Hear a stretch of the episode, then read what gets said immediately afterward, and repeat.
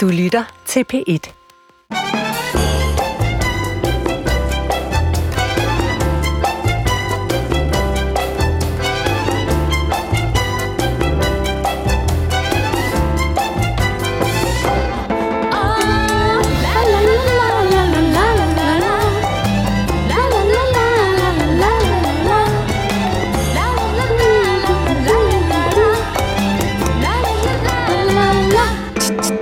Det er jo signalet på, at det er fredag. Det er det. Og Ane Kortsen er i studiet. Det er jeg. Det er to sikre signaler. Ved siden af Ane Kortsen sidder Michael Jalving. Ja, det gør han. Velkommen til jer to. Velkommen til lytterne. Mit navn er Adam Holm. Vi har to gode, fuldfede timer foran os, som øh, nok engang står i historiens, kunstens, kulturens og erotikkens tegn. Ja, det kan man vel godt sige. Er der ikke det? Jo, lidt. Jo, jo. Vi, vi er omegn af det. Under omstændigheder, vi øh, har meget at se frem til, og vi kan jo øh, gøre os selv, og ikke mindst lytterne, den tjeneste med det samme, at lægge frem på bordet her i transparensens tid. Hvad er det, vi har med? Ane, dine historier, første og anden time. Jamen, jeg vil gerne tydeligt deklarere, at min første historie handler om en vred brud fra 1800-tallet, som er gået viralt på det sociale medie TikTok. Mere vil jeg ikke sige, så må man simpelthen bare høre resten af programmet. Vi kan vel godt lige som stikord sige, at vi er i kunstens verden. Det er et, øh, et øh, billede af den øh, franske maler øh, August, øh, hvad hedder han? Tulmush, Ja. som har øh, lavet et billede af en, øh, en brud, øh, der er en lille smule tøvende, og det øh, er der en ny generation, der har taget til sig i den grad, skulle jeg hilse at sige. Det taler man kun til historiker om. Tullemus og den tøvende brud. Tullemussen og den tøvende brud. Det er første time. Anden Ja. time. Anden time, der øh, er jeg dykket lidt ned i øh, Stephanie Loses øh, kulturforbrug. Vores øh, nye økonomiminister og næstformand i Venstre har givet et, jeg vil sige faktisk legendarisk interview til politikken, hvor øh, hun øh, hverken, øh, altså hun bruger ikke rigtig kulturprodukter på nogen måde. Øh, hun går ikke teateret, hun ser ikke film eller tv, hun læser ikke bøger. Hun sælger pølser ved Esbjerg Stadion. Øh, ja, øh, men hårdt presset, siger hun, jamen hun læser i sommerferien, og det hun læser er øh, De syv søstre af en forfatter, der Lucinda Riley. Og det er det, vi skal dykke ned i. Hvem er Lucinda Riley? Øh, hvad er hun for en forfatter? Fordi det er det eneste kulturprodukt, der bliver nævnt. Det synes jeg er interessant. Og det skal jeg tale med øh, Laura Hattens om, som var til stede på Vega, da Lucinda Rileys øh, meget dedikerede fans mødtes her for øh, nogle måneder siden. Ane Korsen, Mhm. mm. man kender dig simpelthen igen. Både på, at du nynner med til jinglen, Mhm. mm. og at du finder emner, der ligger lidt et stykke vej fra, øh, fra sådan hovedsporet. Det er mit altså, hovedspor, Adam. Ja, ja. Øh, meget interessant. Ja. Øh, altså en, en måske lidt snæver fransk øh, kunstner med et øh, besynderligt navn, og øh, Lucinda Riley. Mm. Michael, din historie? Ja, i første time skal vi rundt om øh, begrebet generationsopgør i anledning af 68 og 89, og så det, der foregår mellem generationerne i dag. Øhm, der har været en premiere på en film, som beskæftiger sig med kollektivdrømmene for 68. Der har også været nogle bøger for nylig udgivet af døtre af Kløvedaler, som har taget bagsiden af 68-generationen op til overvejelse. Det skal vi omkring ved hjælp af en gæst, og i anden time, der spørger vi, øh, om der er noget om det her med, at vi alle sammen er blevet til amerikanere. Øh, vi er begyndt at gå rigtig meget op i, at enhver helst skal være lykkelig, og enhver er sin egen lykkesmed. Det er nogle slagord, som man kender fra den amerikanske grundlæggelse og uafhængighedserklæringen og alt muligt andet. Og den er gået så meget ind i vores tid øh, og blevet øh, forstærket som snebold mere og mere. Og så spørger vi ved hjælp af en psykolog også, hvorvidt al den øh, stræben efter lykke i virkeligheden gør os ulykkelige. Mm-hmm. Spændende. Ja, det kan vi jo næsten ikke vente med at komme i gang med. Nej, det er ret vigtigt. Øhm, jeg har selvfølgelig også to emner med. Ja. Ja. Her til første time skal vi... Øh, ja, det skal vi faktisk både til første og anden time. Øh, I historiens hjørne. Øh, den første historie, jeg har med, er Holodomor, øh, den ukrainske sultkatastrofe, som øh, i de her dage øh, bliver markeret. Det er 90-året for øh, den store sultkatastrofe i det daværende Sovjetunionen, men den del, der var Ukraine, hvor i hvert fald, ifølge sådan det mest konservative skøn, op mod 4 millioner ukrainske bønder hovedsageligt blev sultet ihjel i løbet af et år under Josef Stalin. Og markeringen af Holodomor 90-året kommer jo på et tidspunkt, det ved alle og enhver, mm. hvor Ukraine er i krig med Rusland, så hvordan bliver den her historiske begivenhed markeret i skyggen af krigen, og hvad tænker egentlig den ukrainske ungdom om øh, Holodomor. Mm. Øh, vi får besøg af en tidligere gæst her i studiet, Julie Arnfred Bøjensen, som beskæftiger sig med dansk-ukrainsk øh, ud, kulturudveksling. Og til anden time, øh, der skal vi øh, til antikens verden. Øh, vi skal beskæftige os med en romersk kejser. Han øh, var blot kejser i fire år og blev myrdet som 18-årig. Det er ikke det, der er det væsentlige. Det var, om han var transkønnet, og om vi i beskrivelsen af ham eller hende i dag skal skifte pronomen. Det er der i hvert fald nogen, der mener, at det er den pågældende kejser, øh, Elgabalus, tror jeg det er, sådan navnet udtales, øh, i virkeligheden var transkønnet og i dag bør tituleres med et kvindeligt pronomen. Ja, bum. bum, så skal vi videre. Ja, det var som om, der manglede nu. Jamen, så sagde Michael Bum, og så ja, kom jeg ventede på jinglet. Yes. Nu skal vi, som øh, altså alt i det her program er jo, hvad skal man sige, skåret efter samme konservativ list.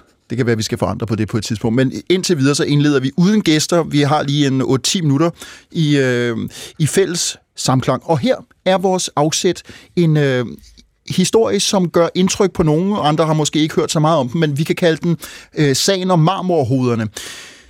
Tirsdag i den her uge, der øh, modtog Nationalmuseet, eller sendte Nationalmuseet i København et øh, brev til Akropolismuseet i Athen. Det er den forløbige øh, kulmination på en længere udveksling mellem museerne. Det handler om tre marmorgenstande, ganske små stykker marmor på 20-30 cm, to hoveder samt en hestehov, som har været i dansk eje siden henholdsvis 1687 og 1835.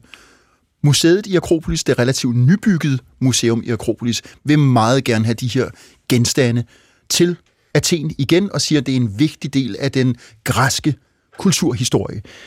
I går var Nationalmuseets direktør Rane Villerslev på besøg hos vores gode kolleger i Kulturen på P1, og vi skal lige høre, hvad manden, som indgår i den her ret ophedet, øh, man kan næsten sige geopolitiske kulturstrid, havde at sige.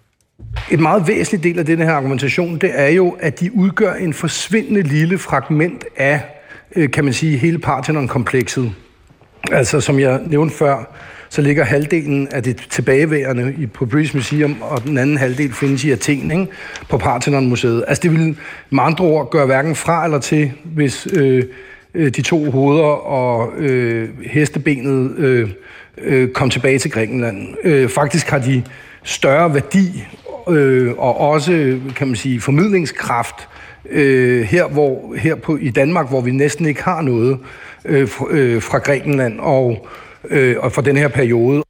Ja, inden I kommer til, Michael og Ane, mm. så skal jeg bare lige få til, at når Rane Villerslev her siger, at det vil hverken gøre fra eller til, så har han ikke øh, gjort regning øh, med den her vært, nemlig Fragiskos Kostelenos, som arbejder på den græske ambassade. Han siger til politikken, citat, det er en trist udvikling, og jeg er meget ked af, hvordan sagen har udviklet sig, og at det svar, som jeg kan forstå, der er afsendt, der er tale om genstanden, som er af stor betydning for Grækenland og græsk kultur. Mm. Finito. Mm. Så er spørgsmålet selvfølgelig til jer to. Hvor stiller I jer på græsk eller på dansk side? Ane? Jamen, det er jo en øh, historie, vi vender tilbage til, også i det her program igen og igen. Sagde altså, hun sukkende. Ja, men altså, der er jo, det kommer jo hele tiden op, at der er jo genstande rundt omkring på museer i hele verden, som jo ikke hører til det land, som det museum er i. Øh, og... Øh, Altså, hvor skal man så ligesom stoppe, hvis man pludselig skal til at aflevere alt tilbage? Det, jeg, jeg kan godt give Rane Villerslev ret i, det har da en stor pædagogisk formidlingskraft, at man kan stå og kigge på noget fra det øh, antikke Grækenland. Øhm, jeg synes også, det, jeg synes også, at sammenhængen, hvormed man har erhvervet sig den her, øh, det her objekt, øh, er vigtigt. Er det, no, er, det, er, det, er det noget, der er blevet stjålet, decideret, eller, eller taget som i, i forbindelse med en eller anden krig? Og det er det jo ikke. Altså, det, det, det, er, jo, det er jo blevet købt, det her, af, øh, eller erhvervet sig på, på, på lovlig vis, vil jeg kan få se. Og så er det, og det er rigtigt, man skal også passe på med at sige, ah, at det kan de godt undvære, og de, halvdelen af Parthenon-frisen er alligevel på British Museum, så det overlever de nok. Man skal også passe på ikke at være for respektløs i den måde, man omtaler det på i forhold til grækerne. Jeg kan godt forstå ambassadørens noget diplomatiske udmelding, men, øh, men jeg synes, jeg synes ligesom, før at man har besluttet sig for, helt overordnet, hvad er det, vi skal med museer i, i de forskellige, de respektive mm. lande?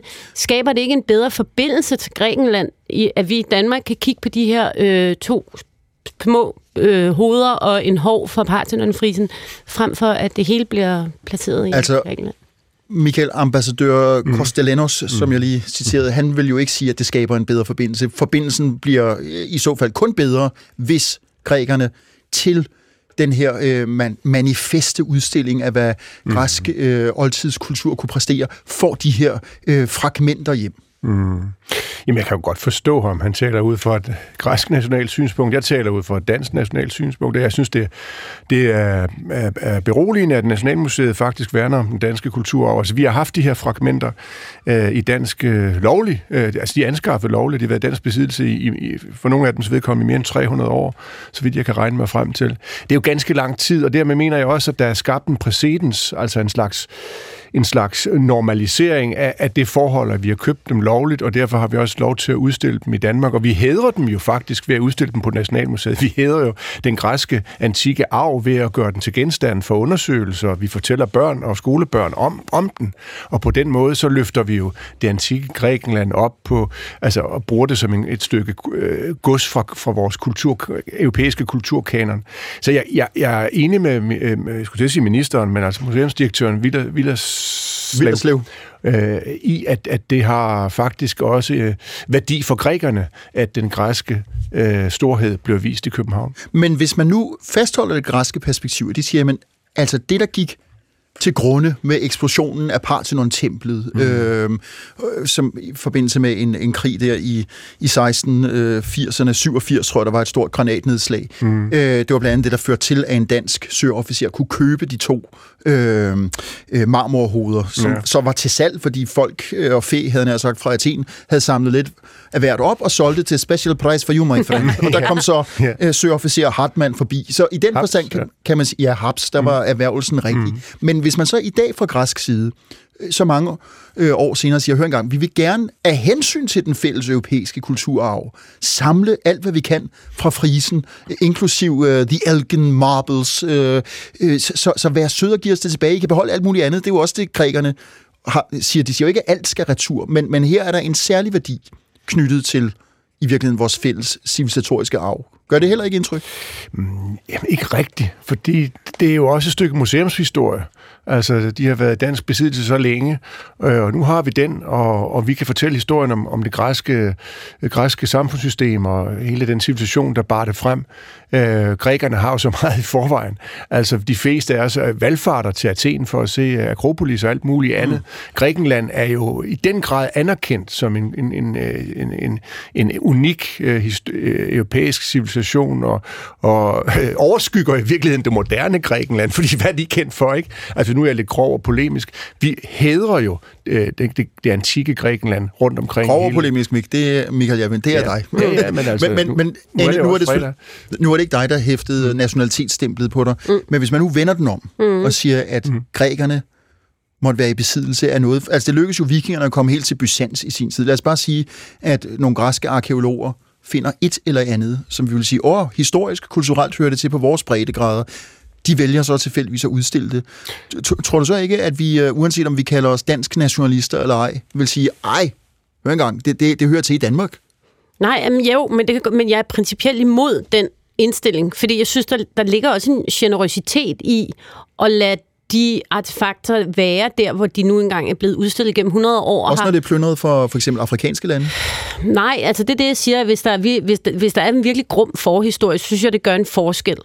Øhm, men det er også, altså jeg, jeg køber sådan set også glidebaneargumentet på den måde, at hvis nu Nationalmuseet Rand Villerslev siger, okay, men så, så, så sender vi det tilbage, men så kan der jo komme nogle andre. Og så til sidst, så har vi jo, altså så har vi jo, som Michael siger, det er jo ikke fordi, at det, det, det, det sprudler med, med, med artefakter fra, mm.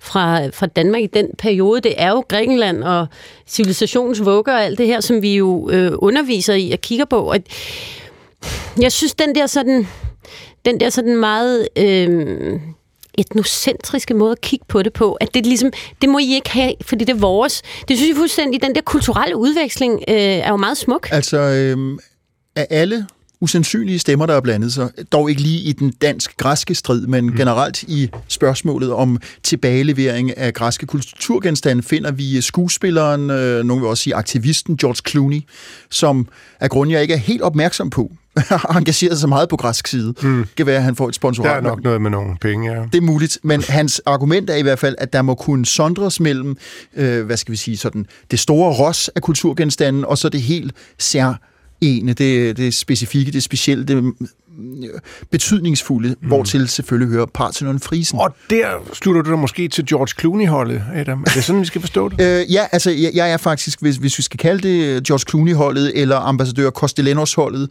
øh, så er jeg der. Mm. Øh, Hvorfor? Jeg, altså, hvad, hvad er det, der, jamen, der vejer tungest for ja, dig? Jeg synes ganske enkelt, at det vil klæde også fra dansk side. Vi har også græske kulturgenstande. Det er jo ikke rigtigt, hvad Rane Villerslev siger. Alt respekt for en i øvrigt underholdende og indsigtsfuld mand.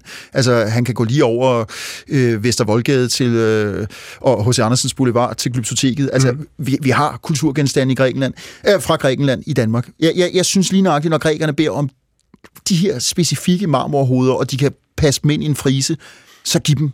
Øh, hvad skal de betale med? Feta, eller hvad? øh, det har jeg ikke noget bud på, nu, nu, er, nu, er, nu er jeg selv ostofob, så, så øh, ikke feta. Øh, nej, altså, man, man kan sige, hvad er det her? Er det et, et moralsk argument? Er det et geopolitisk argument? Er det mm. et kulturhistorisk argument? Jeg, jeg har sådan et, lad os bare kalde det et følelsesbaseret argument. Jeg synes mm. bare, at det må høre til, og det vil være god skik at sige godt, når det er så magtpålæggende, og det jo kommer fra jeres kulturkreds, så voilà. Men, men så har man jo så også åbnet op for det er det. alt muligt andet. Det skal man jo bare lige vide. Så øh, laver man, det har vi nemlig ikke fra dansk side, vi har simpelthen ikke en samlet dansk lov eller politik i forhold Nej. til kulturgenstande. Så siger vi, at øh, Parthenon-frisen udgør en undtagelse, så vil vi jo gerne have et par genstande tilbage fra Sverige, som de har ranet under diverse krige. Og så lukker vi den. Og så snakker vi ikke mere om det. Det kommer jo til at være et problem igen og igen. Altså, ja. det stopper jo slet ikke. Det er du fuldstændig ret i. Og, og, og derfor må der vel også kunne formuleres et mere principielt argument end det her sådan lidt øh, fra tue til tue mm. baseret. Det Men øh, nå, vi, vi fordeler os. Mm. Altså, I to hardcore nationalister Nej, det øh, altså, har allieret jer. Du skal ikke slå mig i hardcore med Michael Hjelving. Jeg er helt over i den anden ende. I har allieret jer med, med Dannebrogs patrioten ja. Rane Villerslev, mens vi kosmopoliter og internationalister gerne vil hjælpe grækerne. Sådan er det bare. Og jeg håber, den græske ambassade lytter med. Er det din opsummering? så, skal, så skal du ikke længere opsummere. vi stopper her. Mm. Ja, ungdomsoprøret, det er efterhånden længe siden, men øh, det spørger stadigvæk i kulturdebatten. I går der havde den svenske instruktør Lukas Moodysson premiere med filmen Til Sammans 1999, som skildrer den øh, den øh, sociale dynamik mellem en gruppe af middelalderne medlemmer af tidligere 19, altså 70'er-kollektiv, øh, som nu mødes 24 år senere. Og filmen stiller spørgsmålet, hvad der skete med hippierne og flipperne, da de forlod kollektivdrømmen og trådte ud i den almindelige borgerlige tilværelse. Mm. For et par uger siden, det ligger vi oveni. Der udkom hele to erindringsbøger af døtrene Kløvedal, Nadja og Lærke, om deres fædre, henholdsvis forfatteren Ebbe Kløvedal Reich og globetrotteren Troels Kløvedal. Og de er jo ikke i familie med hinanden. Nej, det er de så ikke, men de deler efternavn. Ja, eller det fordi der, der er mange, der kalder sig Kløvedal dengang. Ikke? Ja, ja. og jeg, jeg må indrømme, at jeg blev meget øh, forvirret, da jeg stod nede i boghandlen og skulle vælge mellem de to bøger, fordi jeg havde hørt om, om, om den ene, og kunne så ikke finde ud af, hvad det var for en af dem. Mm. Uh, og jeg synes, det var meget underligt, at lige pludselig samme dag og på to forskellige ja. forlag udkom uh, et faderopgør uh, med efternavnet. Og begge to meget roste bøger, jo. Meget roste bøger, ja. Mm. Bøgerne, de giver et kig ind i den, i, der, i den bag den idealistiske facade, og tynges begge af især én følelse. Følelsen af fravær. Hvor blev idealisterne af som fædre? De drog ud på de syv verdenshave, eller skrev bog efter bog, eller sad inde i fjernsynet og klogede sig. Imens der sad øh, døtrene derhjemme på deres pigeværelse og savnede papa. Deres far var pist borte i hverdagen. Det er i hvert fald noget af det, man øh, kan få ud af at læse øh, de to bøger. Øhm, og den der øhm, øh, aktuelle film og de, de, de nye dobbeltportrætter, de rimer, riber op i et generationsopgør, som har været fortløbende. Og for at kunne rave kastanjerne ud af ilden, og for at gøre os lidt klogere på, hvad det egentlig er, der foregår, så har jeg inviteret dig, Jeppe Bensen, i studiet. Ja, tak skal du have. Du er Europakorrespondent for Weekendavisen og forfatter til bogen De Vingeskudte, der handler om tidsånd og politik. Ja, meget af det, I lige taler om faktisk. Ja, tror, og det er derfor, vi har ringet til dig. Nu står det her, det er dejligt. Øh, jeg skal lige have øh, ridset øh, lidt mere op, fordi hvad taler vi egentlig om? Taler vi kun om 68? Taler vi om i dag? Taler vi om det, der kalder, man, nogen kalder for 89 opgøret?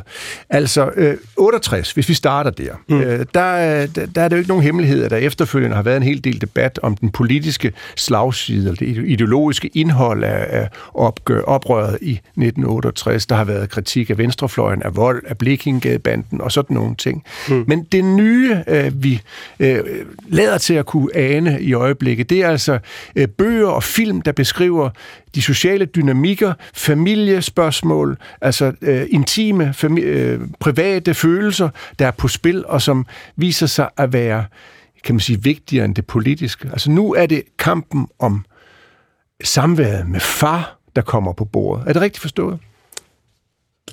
Ja, det er, det er det måske, men måske er det også den måde, de bliver øh, læst på. Altså selve perceptionen, der er anderledes i dag, end hvordan det, det ville have været for 10-15 år siden. Fordi mm. det opgør, der finder sted i dag, er jo i høj grad med sådan nogle kosmopolitter, som, øh, som Adam Holm lige selv beskrev sig selv. Ikke? Mm. Mm. Øhm, og man kan sige, den kritik, som altså, Kløvedal-døtrene øh, bedriver af sådan patriarken, hippie, hippiefaren, den er jo ligesom, den har man jo hørt, mm-hmm. øh, også for, for 20 år siden, ikke? Og til Sammens øh, 99, som du lige nævner, den foregår jo også netop i 99, hvor det måske sådan gav mening at lave en distance mellem sådan øh, den dogmatiske hippiefar og så den der sådan ironiske, mere nihilistiske øh, tilgang, som ligesom kom, kom efterfølgende, ikke? som måske udsprang af sådan murens fald i 89 og sådan de der sådan store paroler og idealer. Ikke?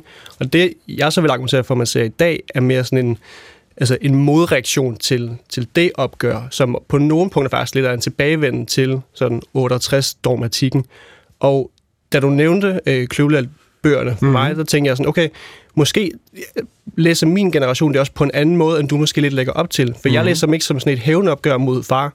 Altså, jeg tror, der er sådan en anden sådan sensibilitet i samfundet i dag. Altså blandt min generation, nu er jeg 27, ikke? Og, og lige knap generation Z. Og jeg tror, vi læser det mere som sådan en, en nuancering, fordi det er mere legitimt ligesom at øhm, ja, nuancere en, en grundfortælling, som tidligere har været meget sådan dogmatisk og styret af, en figur, patriarken her, øh, og det er okay ligesom nu at tage sin egen historie på sig, uden at det er sådan en, en ensidig sådan afstandtagen. Mm.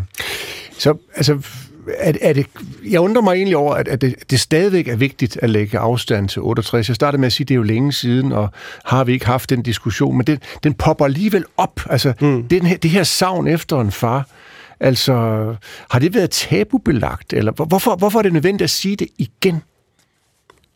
Adam Holm har hånden op. Jamen, han er ja, ja, ja, jamen, jeg, jeg, lytter, jeg, jeg, han, han skal altid tage ord, det er typisk for ham. nej, nej, jeg, jeg, jeg er bare optændt og interesseret. Kom bare.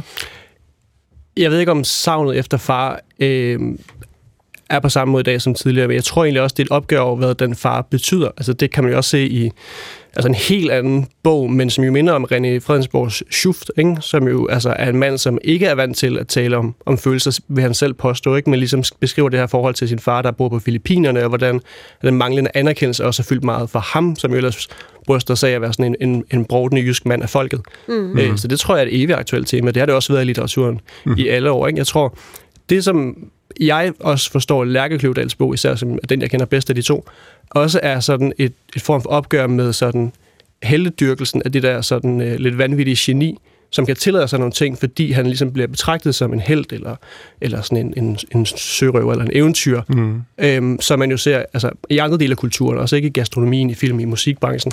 Øh, så jeg ser det egentlig mere som sådan et led i, i, i den bevægelse. Og så tror jeg måske, at den er mere veltegnet nu, selvom at jeg øh, hvis det telefon kommer til at sige til dig, at den kommer lidt en postgang for sent, ikke? fordi det har også været aktuelt for 20 år siden, men jeg tror, den bliver forstået bedre og på en anden måde i dag, fordi det er sådan, ja, som jeg sagde før, mere er inde ligesom at lave de justeringer, uden at det er decideret opgør. Mm-hmm. Og Jeppe, det jeg sad på spring til at, at spørge dig om, og som du øh, jo har delvis strejfet, det er jo, øh, der er selvsagt ikke, det har du også antydet, der er jo ikke noget nyt i, at generationer gør op med hinanden og foretager nogle revisioner og, og vender sig til dels imod nogle logikker, som har eksisteret i 20 år, som man så øh, ser anderledes på din generation, mm. øh, født i øh, anden halvdel af 90'erne, Ja. øh, hvor nogle af os, øh, jeg er fra 69, Michael for eksempel fra 68, var ved at være færdig på universitetet. Mm. Øh, hvordan ser I sådan, hvis du skal lave et, et sådan en, en kollektiv vurdering på 68'erne? For de har jo på mange måder været skydeskive for, for øh, den generation, som øh, ja, jeg selv tilhører,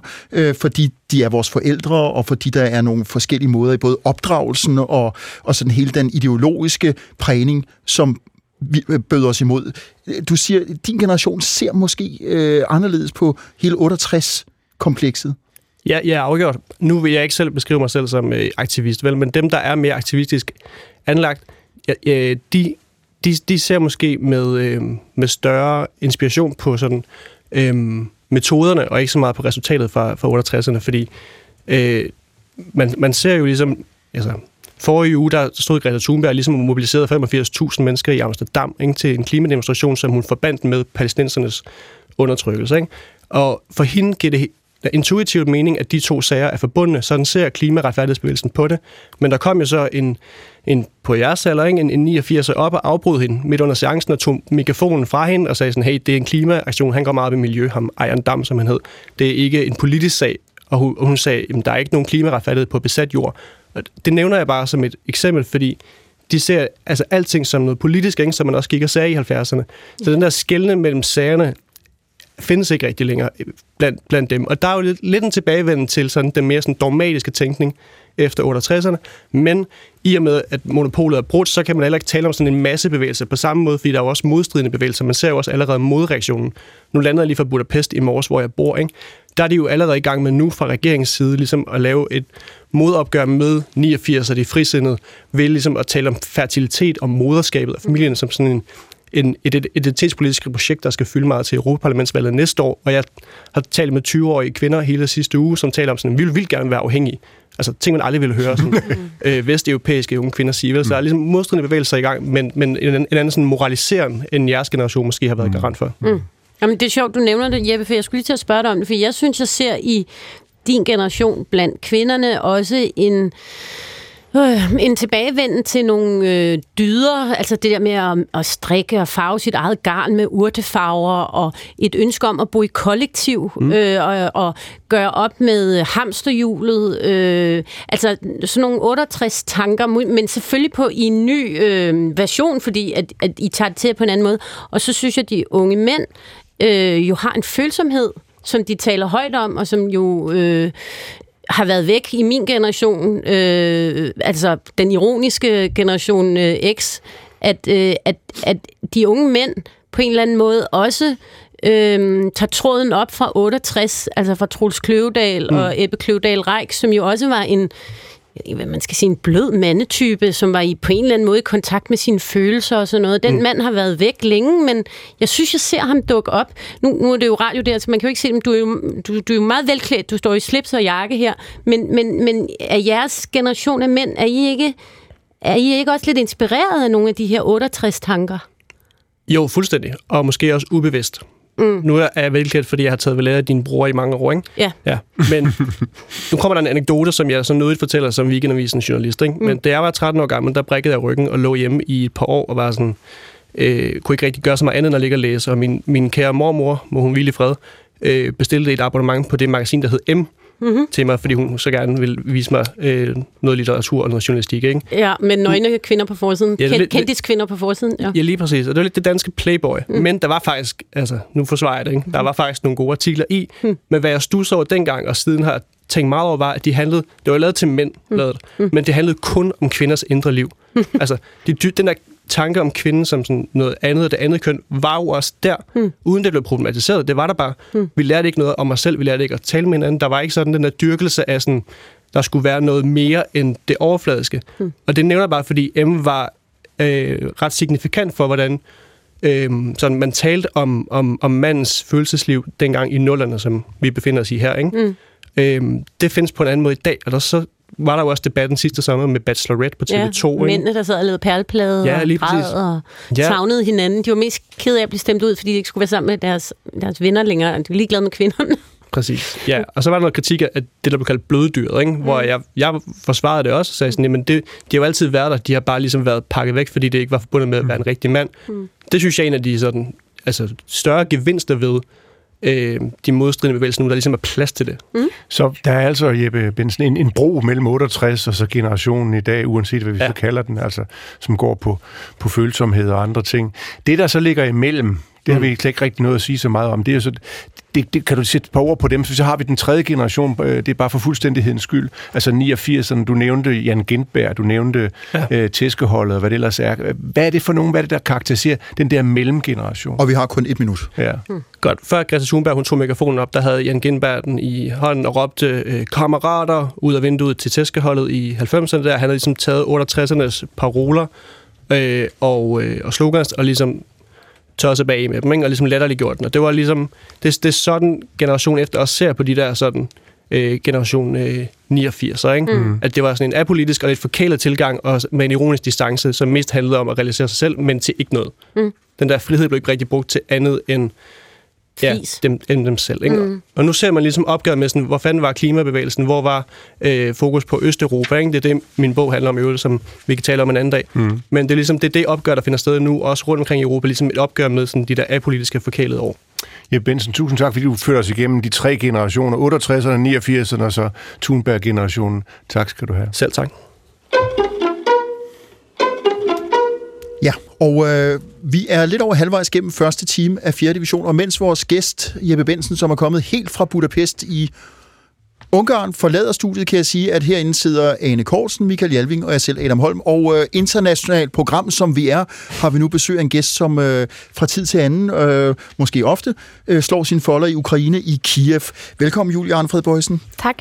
Leder af øh, det ukrainsk-danske ungdomshus i Kiev siden februar 2021, altså året før invasionen. Vi har inviteret dig, jeg skal lige indvige lytterne i det selvsagt, vi har inviteret dig, fordi vi skal tale om Holodomor, 90-året for den ukrainske sultkatastrofe. Og øh, du kommer selv sagt til, det er derfor, vi har inviteret dig, men jeg skal nok lige sige et par ord om, at i de her dage, der er der mange ukrainere, som mindes den her særlige tragedie i landets blodige, og som mange nok vil vide, dramatiske nyere historie, den jeg nu har nævnt, altså Holodomor hungersnødkatastrofen fra Cirka 1932 til udgangen af 1933 døde ifølge et, øh, hvad skal vi sige, nogenlunde øh, konsekvent historikerskøn i omegnen af 4 millioner ukrainer, eller sovjetborgere, som de egentlig var, af sult. Det officielle Ukraine regner det for et folkemord, en definition, som mange lande også anerkender. Og markeringen har selvfølgelig en særlig aktualitet, fordi tragedien dengang, såvel som i dag, set med ukrainske øjne, øh, er dikteret fra Moskva. Julie, inden vi går lidt mere ned i Holodomor, altså substansen af det, er det et tema for unge ukrainer? Altså, nu har du haft med landet at gøre i et par år, øh, opholder dig regelmæssigt i Kiev. Taler man om Holodomor? Man taler blandt andet om Holodomor. Man taler også øh, om alt det andet, som ligger i den ukrainske historie, og særligt det, som også knytter sig til Ruslands øh, ageren over for ukrainerne. Så det er helt sikkert et tema, som måske bliver talesat mere i de unge generationer i dag, end det gjorde i deres forældre, som ligesom måske sidder med et tungere traume og øh, kom fra en tid, hvor man ikke kunne tale så åbent om den slags ting. Så helt sikkert. Man taler om Holodomor, man taler også om alle mulige andre ting, der knytter sig til relationen til Rusland. Så. Og jeg er ret sikker på, at du kender... Jeg, jeg har været i Ukraine, skal jeg sige, tre gange under krigen. Mm. Øh, er ikke nogen meget stor kender, men har været i øst og vest. Og jeg kunne se, især i vest er der for eksempel i Lviv, øh, sådan set også i Kiev, hvis vi mm. regner det med, øh, monumenter, der viser Holodomor øh, østpå i nogle af byerne der. Nu er der også øh, reelt krig der, så der har man ikke så meget tid til at kigge efter monumenter. Men der er det som om, at, at der er det knap så øh, tydeligt, at, øh, at den her sultkatastrofe har fundet sted. Så her for åben mikrofon, er det også din observation, at det er altså at mindet om den her gigantiske sultkatastrofe, øh, der er endda historikere, der siger op mod 7 millioner døde, men lad os så sige mm. fire, øh, at den mindes mere vestpå end østpå? Jeg tror, der er så meget skifte i de demografiske, øh, demografiske strukturer lige nu, at det faktisk er lidt svært at sige. Man kan også godt sige, at Holodomor, det, altså det, det store Holodomor, altså den store sult, som vi taler om, det er den fra 30'erne, 32-33. Ja. Der har været andre tilfælde, hvor at der også fra sovjetregeringen er blevet indført nogle sanktioner mod landbruget, som har gjort, at ukrainere endte med at sulte tit, altså det var tit sådan central Ukraine, hvor at øh, det store landbrugsområde er. Øh, og det er jo også fra 21 til 23, og igen øh, efter 2. verdenskrig i 46-47. Øh, og man kan sige, at at det, der har jo selvfølgelig været, det var jo stadigvæk under Sovjetunionen, som du også er inde på, og det vil jo sige, at der har jo været en, en indflydelse, og en stærkere indflydelse på øh, narrativet i Øst-Ukraine fra Moskva.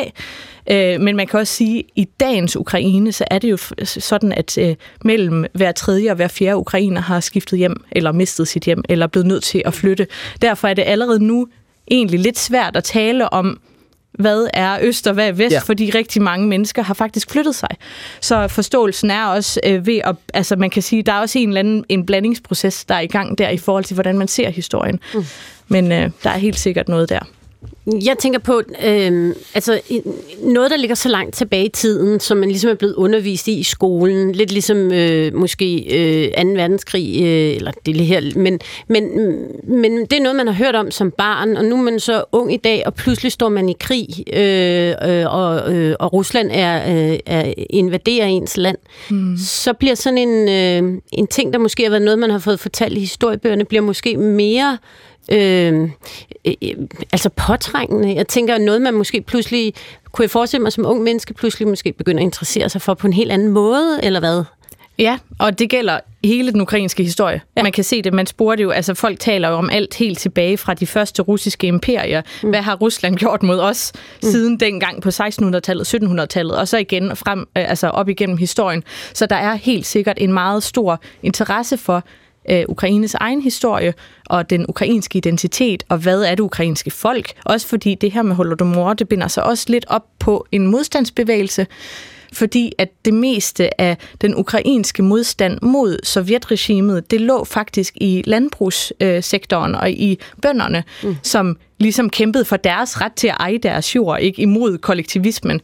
Og øh, der er jo også mange, der spekulerer i, om, om en af grundene til, at øh, Stalin valgte at indføre den her restrik- restriktion på, eller det er ikke en restriktion, det var øh, tvangseksport af korn, at det også var for at slå ned på den her politiske øh, modstand. Ja, ja, og holde dem nede. Ja. Jeg kan lige sige, jeg kan se Michael vil til. Mm. Jeg skal bare lige sige, at som en opfølging på det, øh, vores gæst Julian Fred Bøjsen siger, altså at baggrunden for hungersnøden i Ukraine, øh, den, den store katastrofe der 32-33, det var, at øh, Stalin, eller Sovjetunionen under Stalin, øh, fra 29-30 begyndte at tvangskollektivisere landbruget.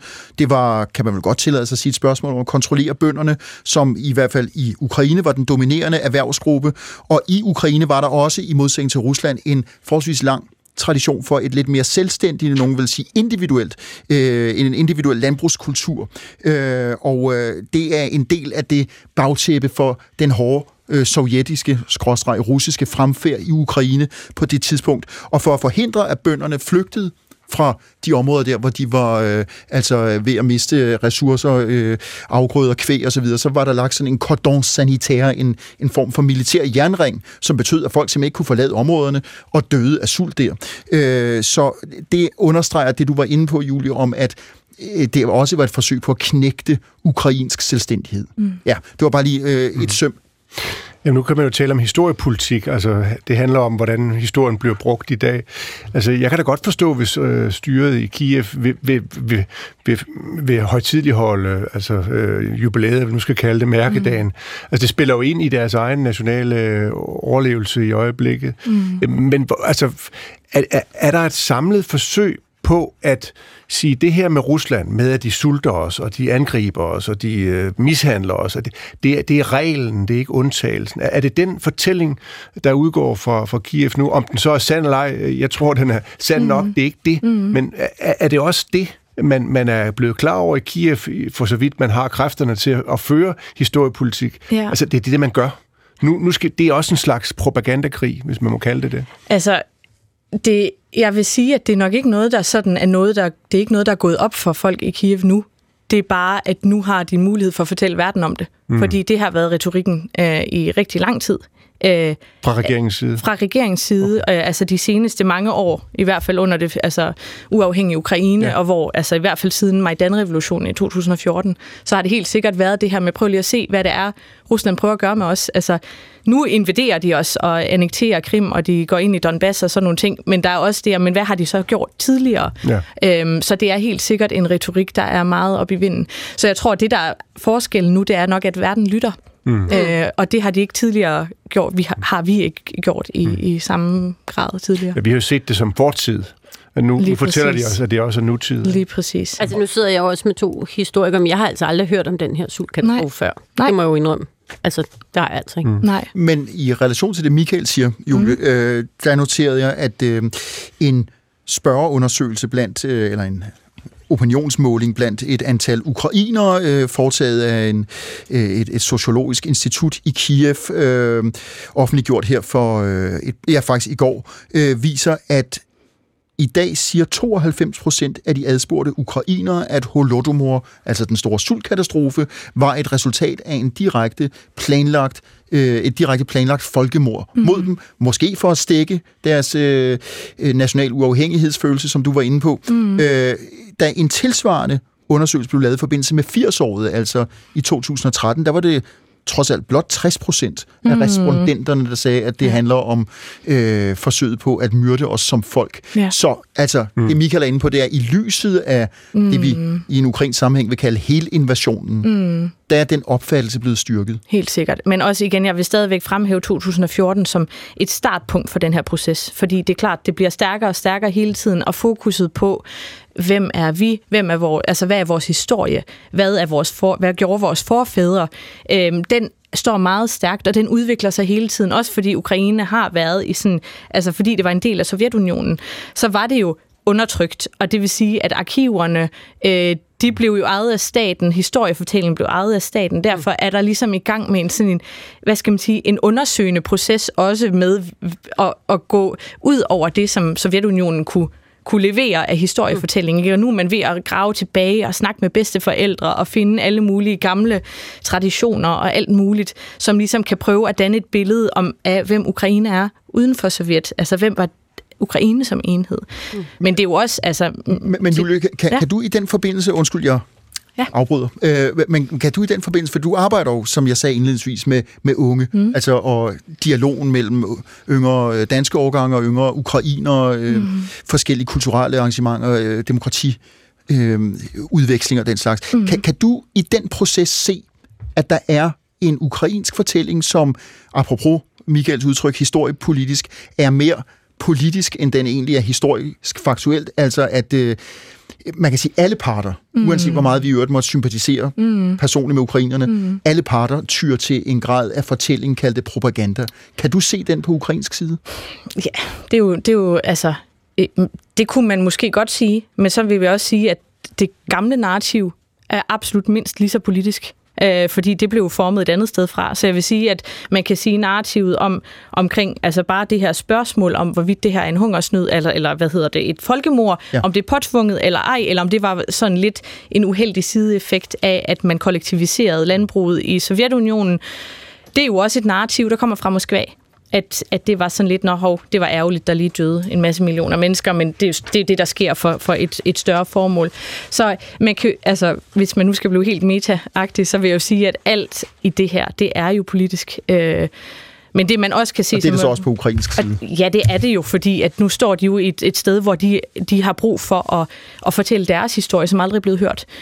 Og jeg kan sige, at, at det lægger sig jo også, det er jo bare til Ane, at, at det lægger sig jo også i kulturen. Der er et mere større fokus på øh, ikke at øh, altså, lave madspil. Mm-hmm bedsteforældrene siger, at man skal respektere maden, fordi at nu er der mad, det var der ikke engang. Vi skal huske at tage det med. Hvis jeg har været til sociale sammenkomster, så pakker man resterne med og tager dem med hjem mm. alle sammen, så der ikke står noget tilbage. Der er ikke noget, der bliver smidt ud.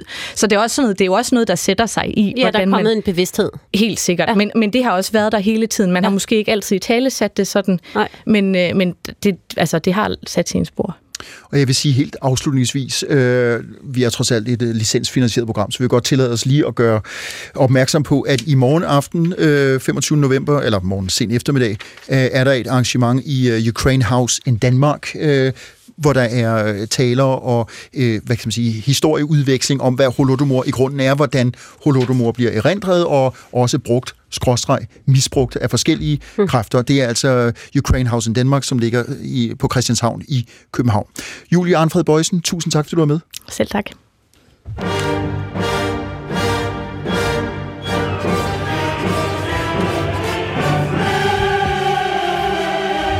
Ja.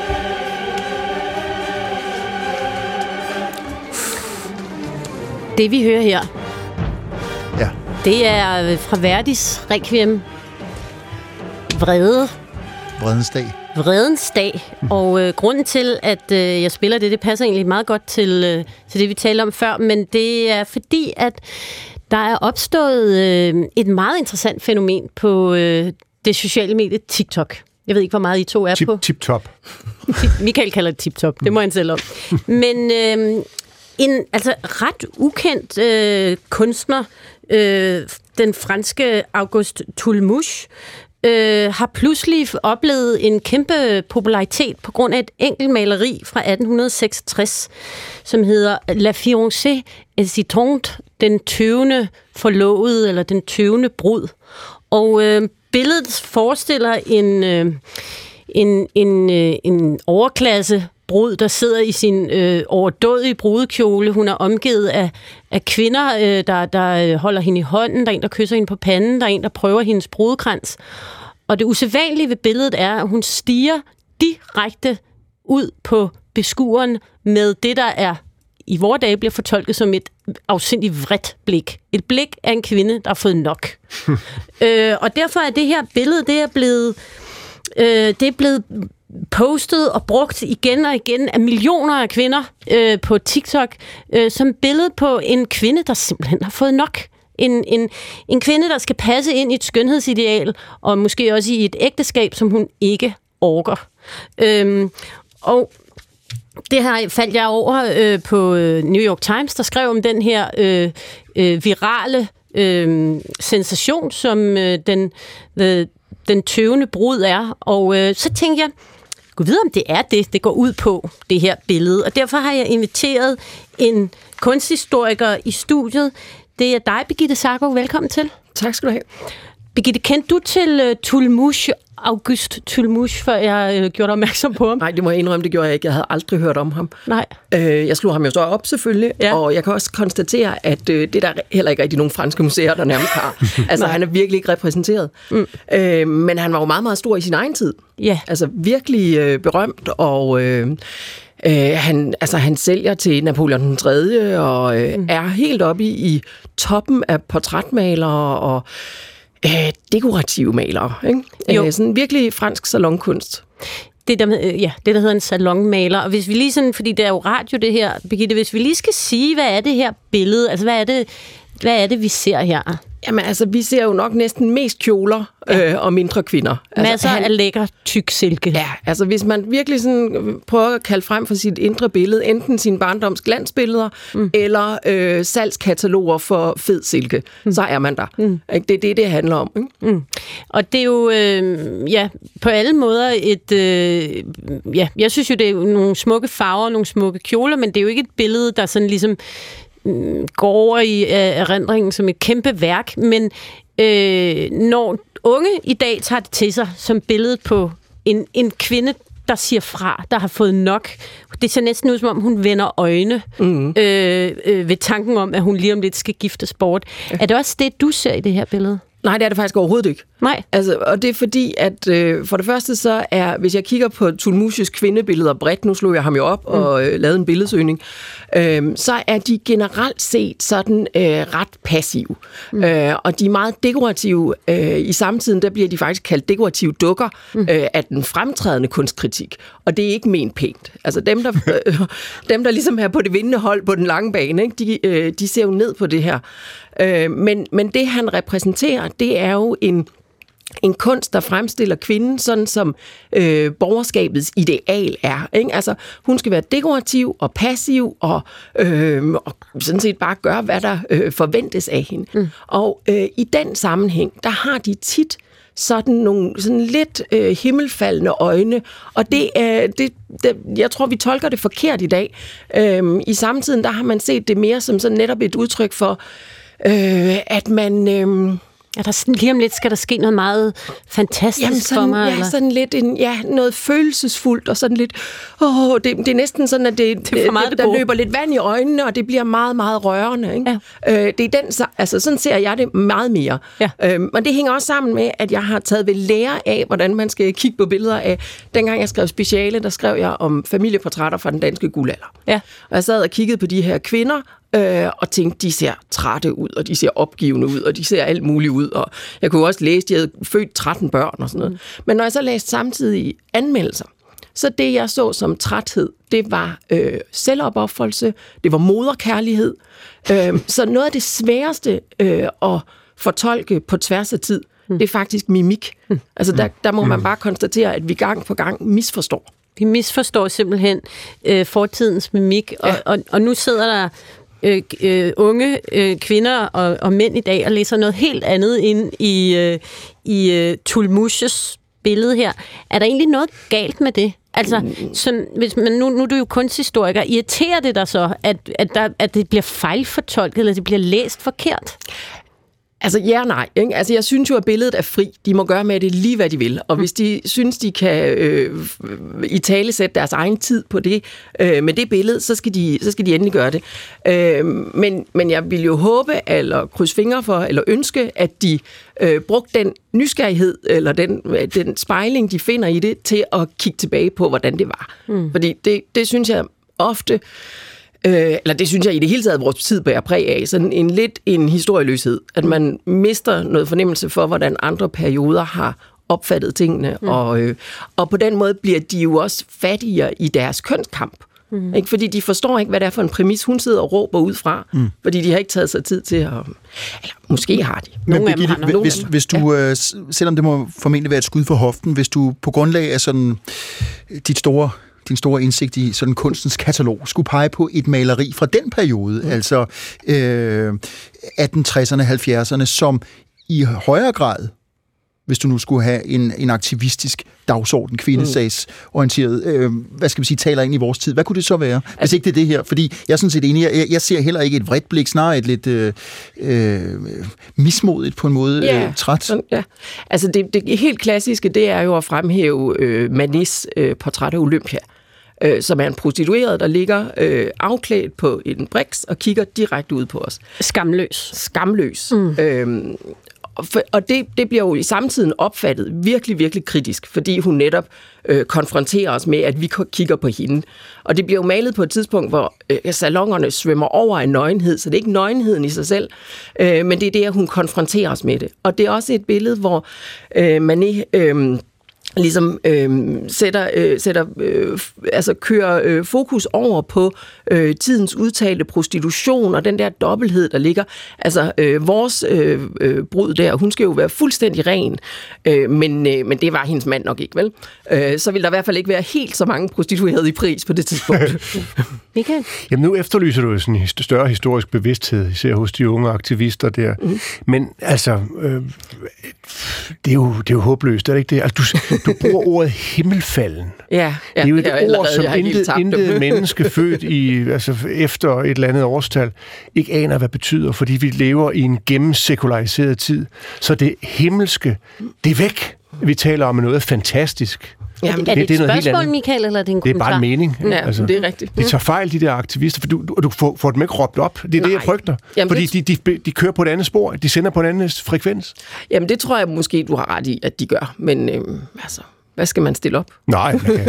Birgitte, jeg skal også spørge dig om noget andet, fordi øhm, der er også flere, der har læst sådan, en, sådan noget queer teori ind i det her billede. Altså det vil sige, at øh, der er blandt andet en, der siger, at det er øh, altså det udstråler øh, lesbisk kærlighed, det her, mm. at de øh, den, der er en kvinde, der kysser hende på panden, der er en anden kvinde, der holder hende i hånden, og der er nogen, der læser ind i det, at hun er ked af, at hun skal presses ind i et heteronormativt ægteskab, fordi i virkeligheden så vil hun hellere være i et kærlighedsforhold med nogle af de her kvinder.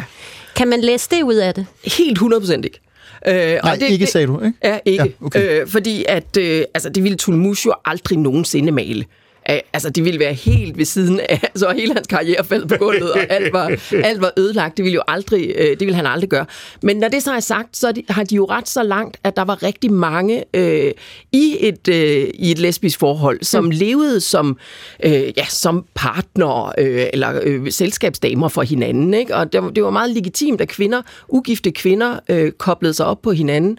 Øh, så på den måde øh, kan man jo godt, altså der har der været masser af øh, venindepar, mm. øh, også som vi kender til, som malere og så videre. Og forfattere og andre, øh, ja. og andre ikke? Så, Be- Birgitte, må jeg hurtigt høre dig, når, når vi nu lige har fået introduceret navnet Tulemush, og det selv for ja. en øh, certificeret kunsthistoriker af, af et nyt navn. Altså, øh, det du lige har kunnet google dig til, er det, øh, ud over det omtalte billede her, øh, er det en, øh, en kunstner, som vi kommer til at beskæftige os mere med, tror du? nej, jeg tror ikke. Okay. altså, han er jo super, altså han er teknisk rigtig, rigtig dygtig, ikke? Øh, men jeg tror for langt de fleste billeders vedkommende, så vil vi ikke føle den store genklang i vores egen Nej, tid. det er salonmalerier, altså, som det jeg er sagde. virkelig Men... malerier af en anden tid. Men så er det store spørgsmål jo så, Birgitte. Hvorfor tror du, at lige præcis det her billede har vundet sådan en genklang hos den her unge generation? Men jeg tror faktisk, det hænger sammen med, at det billede, der cirkulerer, er en rigtig dårlig opløsning. Mm. øhm, fordi at jeg tror, at hvis, øh, hvis, billedet, hvis billedet havde stået klarere, mm. øh, så tror jeg ikke, de havde misforstået blikket, for mm. det første. Øh, og, øh, og jeg tror måske også, altså når det så er sagt, så tror jeg måske også, at øh, at det, at hun sidder og er så meget en påklædningsdukke, ja. altså hun er jo virkelig altså, et ideal for fremstilling, øh, der kan de, det kan de måske faktisk spejle sig selv i, i forhold til, at, øh, at de stiller enormt store krav til deres egen fremtoning ud af. Ikke? Og øh, alle billeder, man, de lægger op på nettet, er med filter, og, øh, og på den måde, der fremstår de jo, hvis man scroller ned over sådan en, øh, en profil, øh, altså som tulmuskvinder øh, Det er præcis det. dag. Ikke? Altså, det her er jo den tids Instagram. Ja. Altså, og hun repræsenterer et ideal, som hun faktisk er træt af selv. Ja, det måske. tror jeg måske, uden at jeg skal øh, øh, overfortolke, mm-hmm. det tror jeg måske, det det handler om. Ja. At, øh, at selvom at han ikke er nogen anerkendt kunstner, og selvom at de ikke ved, hvad himmelfalden betyder og sådan noget, så tror jeg, at der øh, på tværs af tid, altså fra 1866 over til 2023, er en forbindelse for mange af de her unge kvinder, der kan, de, der kan spejle sig i det her. Ja. Øh, og det synes jeg jo, der egentlig er noget ret fint ved. Det er der også. Altså, Øhm. og, og man kan jo håbe, at den der spejling så gør, at de også begynder at blive lidt mere nysgerrige på, hvad var det for en verden, hun levede i, og hvordan og hvorledes. Og så er, så er vi dobbelt glade. Og, og det jeg lige skal nævne er, at når det her billede bliver øh, brugt på TikTok eller andre steder, så er der jo tit en tekst sat på. Dels er der jo øh, øh, Verdis øh, Requiem, vi hørte lige før, men der bliver også tit skrevet hen over forskellige tekster, som kvinder tit får øh, kastet i hovedet. Øh, du er meget smukkere, når du smiler. Mm. Øh, øh, se at komme i bedre humør og sådan noget. Ikke? Så, så, Nå ja, det siger jeg også tit til... uh, uh. Jamen, det, det får I jo ikke så tit at vide i to, men det får vi andre at vide. Birgitte Sarko, du er kunsthistoriker. Du kom lige og satte uh, Tulmus, uh, Tulmus på plads for os. Uh, jeg kan kun uh, sige til lytteren derude, at I kan prøve at google ham og se på den uh, tøvende brud og tænke selv. Tak fordi du kom, Birgitte. Velbekomme. Ja, altså også et, et navn, det er svært at få ud af hovedet. Tulemush. Tulmus. Nå, tussemusser, vi er tilbage 15.03.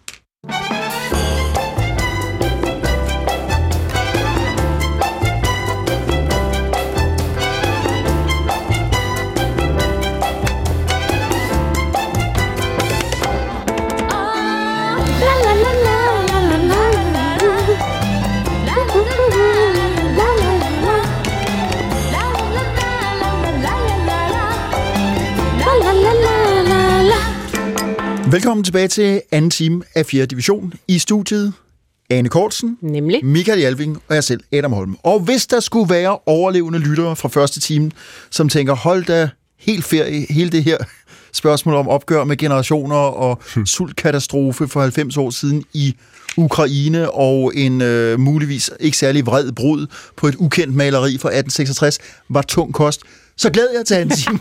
Sikkert du dog kan Ja. tale dig op. Ja, ja. Mm. Altså, anden time er jo simpelthen, det er jo, øh, det, er jo det lette kavaleri. Nå. Nu skal vi øh, forbi en, øh, en øh, for mange lyttere vil jeg antage relativt ukendt forfatter, Lucinda Riley, som dog alligevel øh, er braget igennem i den danske mediedagsorden af grunden, vi får udtrykt om lidt. Mm. Vi skal forbi en øh, romersk kejser, som muligvis for transkønnet, og til sidst så får vi øh, smurt tygt på, når vi skal høre om, hvorfor vi i vores stræben efter lykke forbliver ulykkelige. Det er en god måde at gå på weekend på. ja, lige præcis. Nå, vi starter med ugen kort og godt. Vi har hver en øh, historie uden gæst, og ifølge planen er det Michael, der ligger for. Ja, det skal jeg gerne gøre, og, og historien er, synes jeg selv, ret spændende, fordi den handler Ja, om det er danske... Fu- ja, det er det. Danske fodboldlandshold, øh, herrenes fodboldlandshold, øh, har kvalificeret sig til EM, det ved de fleste jo nok, øh, og de fleste ved også godt, at de har gjort det til trods for, at de spiller som sæk kartofler, eller noget af den stil. Øh, de spillede rimelig godt mod Slovenien og, og kvalificerede sig dermed, og så tabte de øh, øh, til Nordirland. Jeg gentager Nordirland øh, her, for ny, her forleden. Og det har alt sammen bragt øh, landstræneren Kasper Julemand, øh, jeg vil ikke sige op i et rødt felt, han er nok temmelig skuffet, men det har bragt øh, medierne øh, på kollisionskurs med landstræneren, og der, der er folk, der mener, at han skulle sætte sig holdet, eller at, at øh, vi skulle have en ny træner, og så videre, og så videre. Og det har fået ham til at gå i Øhm, gå, til an, gå til selvforsvar, kan man sige. Gå i, i, han øh, stillede op ikke til P1-debat, øh, men i aftenshowet, som er sådan lidt anden genre, for nu at sige det pænt. Og i aftenshowet, der fortalte han os alle sammen, at han er godt og grundigt træt af danske sportsjournalister. Han er træt af alt det opkast, som han kaldte det, der bliver delt på de sociale medier, og derefter viderebragt af de mere etablerede medier. Og det var især det sidste, han var utilfreds med.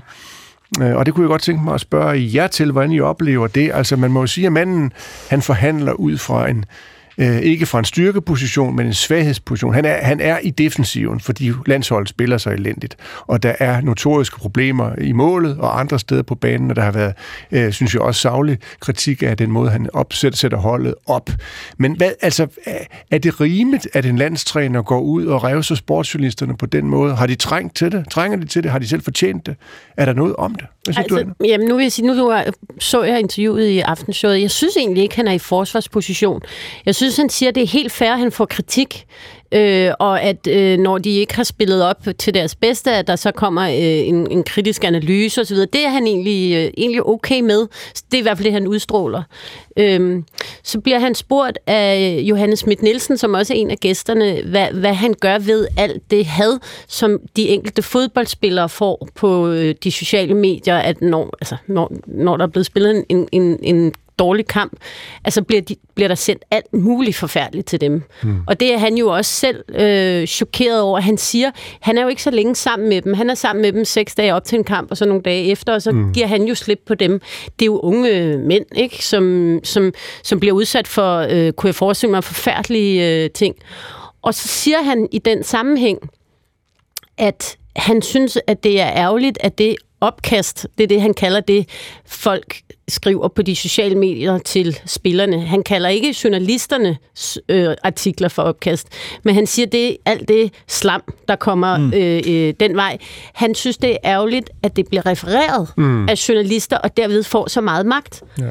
Og den pointe er jeg faktisk fuldstændig enig med Kasper Julemand i. Sådan helt generelt, der har vi været, øh, der er danske medier i, i, i alt for mange år brugt øh, Facebook og andre øh, sociale medier som en form for øh, øh, ritsag, hvor at alt, hvad folk skriver der, det kan vi så lave til en eller anden form for artikel. Nogen raser, nogen jubler, nogen sviner, nogen til. Mm. Og så har man en artikel, og så de mennesker, der så har siddet og skrevet de der forfærdelige ting, de tænker, nå, jamen, så skal jeg da bare blive ved. Ja. Så på en eller anden måde, så er jeg i principielt set egentlig enig med Kasper Julemand i, øh, at man skal lade være med at referere alt for meget, gør for stort nummer ud af noget, fordi så, så, så, så, fød, så, så feeder man the troll. Så får man dem bare yderligere til at sende endnu mere øh, spillernes vej. Så det er mm. faktisk enig med ham i.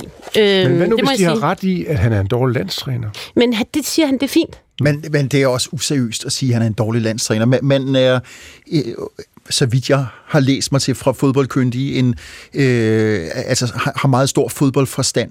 Øh, man kan måske sikkert rent igen fodboldfagligt diskutere, måden holdet bliver sat på og motiveret, og øh, der er sikkert nogle faktorer, vi ikke kender til. Jeg synes, øh, som Ane er inde på, at øh, jeg har ikke set interviewet, men, men det er meget påfaldende, du nævner, Anne, at øh, Johan Schmidt Nielsen, som tidligere folketingspolitiker, øh, er med i den samtale, fordi hun har jo været frem offentlig og fortælle om øh, den skidspand, som politikere, ja. både til højre og venstre ja. og midt for, øh, modtager, og vi har alt for længe accepteret det. Og nu ser vi i relation til øh, Israel, øh, Gaza, Hamas, øh, krigen, at øh, øh, danske jøder får tilsendt øh, mange ubehagelige beskeder. Der er sikkert også nogle øh, palæstinenser, der modtager noget i indbakken, og i det hele taget er der øh, altså ingen ende på de kaskader af mm. verbal opkast, mm. som bliver slynget ud over ja. hinanden. Jeg, jeg, jeg synes, det er meget, meget øh, forstemmende, og så derfor tænker jeg, at øh, hvis det er sådan citeret, øh, eller refereret, øh, som Ane kommer fra Kasper Julmans side, så har han helt ret. Øh, mm. Man, man skal lade være med at blande det ind i journalistikken. Man kunne jo prøve analytisk og beskæftige sig med, hvorfor spiller det danske landshold ikke det, bedre? Det er der det? en af dem, der har gjort. Nu citerer jeg fra okay. Weekendavisen, hvor Asger Bøje... Øh, Asger Hedegaard Bøje. Hedegaard Bøje. Mm. Gæst her i programmet en gang imellem. Ja, han skriver her, EM i 2021 var en lykkestund hvor nation og spillere flød sammen til én kollektiv krop. En leviathan med landstræneren som det kloge hoved på toppen. VM 2022 var derimod et bibelsk mareridt, der afslørede den labre folkeforfører, som det han også er. En forlæst juniortræner stillet foran den beskidte verdens urimeligheder. Ja, den er grov, men men måske har den en, et græn af sandhed. Ja, og måske refererer han en synsmåde. Jeg er ikke sikker på, at Asger Hedegaard Bøje selv anser Kasper Julemand for at være en juniortræner. Men, men, altså, det, det her, det er en, en folkelig perception. Nej, det tror jeg ikke. Det, det er hans, øh, hans fortolkning af, af trænerens Men, men jeg vil bare evner, igen færdighed. bare lige sige, at han sagde tydeligt, Kasper Julemand i aftenshowet, at det er fint, han får, han får kritik for det, han gør som træner, at der er nogen, der analyserer det og tænker, det var et forkert valg og sådan noget. Der har han det fint med. Det, han øh, advokerer imod, når han direkte bliver spurgt, det er, at det almindelige had, mm. som man desværre modtager som land, landsholdsspiller, at det ikke bliver gjort til en historie. Mm. Og det er jeg enig med ham. Og det bør det være. Og, og, og, og, det, og det, alle der... mulige andre analyser. Der er jo ikke noget, der kan få folk op i det røde felt som landsholdskampe. Og det tror jeg, han er fuld, fuldt ud forberedt på, øh, mm. julemand. Jeg, jeg er ikke engang sikker på, at han læser så meget af det igen. Mm. Men det, der ikke er til at udholde, mm. det er jo uanset om det er noget, der relaterer sig til sportens verden, fodbold her, øh, eller, eller dansk politik. Altså, når der bare kommer jeg vil kalde det det bøvsede øh, synspunkt, han kalder det bræk. Altså, de kan kræfter mig ikke spille fodbold, han kan fandme ikke træne. Ja, eller trusler. Øh, politikerne sidder der bare for at tjene nogle mønter, mand. Mm. Øh, taburetklæber. Altså, når, når al indhold, al idealisme, al, øh, hvad skal vi sige, al færdighed bliver afmonteret i en sætning, øh, så, så tænker jeg, hvorfor beskæftige sig med det? Mm. Mm. Det er, er useriøst. Ja. Det var første runde. Nå, så er det Ane. Ja, og jeg har en lille test til jer to. Mm. Fordi uh, Washington Post har brugt ret lang tid på at uh, undersøge, hvad er god etikette, når det kommer til mobiltelefonen. Uh, fordi vi er alle sammen afhængige af den, og øh, telefoni har jo som sådan ændret sig fra da vi var unge, hvor der ikke var mobiltelefoner og fest, ja, som sådan. fastnettelefoner. Øh, det ved jeg ikke engang, om der var, da du var ung, Michael. Mm. øh, men, men nu om dagen, der går vi rundt med en, øh, en, en lille øh, computer i lommen, som blandt andet kan ringe, men den kan også en hel masse andet. Og derfor så er man blevet enige om, hvad god telefonstil er. Og nu vil jeg gerne lige teste jer. Der mm. er simpelthen syv gode råd til god etikette, jeg kunne godt tænke mig at finde ud af, om I overholder dem. Råd nummer et er, det er ikke længere god stil at ringe til en person ud af det blå. Du skal sende en sms først. Gør I det? Nej. Sådan et opkald skaber en unødig stress hos modtageren. Du skal først sende en sms og spørge, om du må ringe, eller spørge, om personen vil ringe til dig. Der, der kan jo simpelthen polere, øh, ikke bare isen, men øh, helgenkransen. Det gør jeg ofte. Det gør du. Så du, hvad med dig, Michael? Nej. Ringer du til folk ud af det ja, blå? hele tiden. Det, det må du slet ikke. Nej. Nej. Øhm, så er der nummer to, og den synes jeg er interessant, fordi jeg har lagt mærke til, at min forældres generation, de overholder bare ikke det her. Du behøver ikke at besvare et opkald. Altså, når din mobiltelefon ringer, så hvis du sidder for eksempel og spiser middag på en restaurant eller noget, så må du godt bare slukke den. Du behøver ikke tage den. Det synes jeg, der er en generation, der ikke har lært. Ja. Altså, de tager den bare ligegyldigt hvad. Har I ikke lagt mærke til det? Øh, ja, altså, ja, nej. Nå. Altså, altså, ikke, at der er et generationsspørgsmål. Jeg har lagt mærke til nogen, der ikke gør det. Jeg gør det heller ikke selv. Altså, Lizzie Post, der er chef for det amerikanske etikettefirma Emily Post, hun siger, du kontrollerer selv din telefon, og du bestemmer, om du har lyst til at tage telefonen.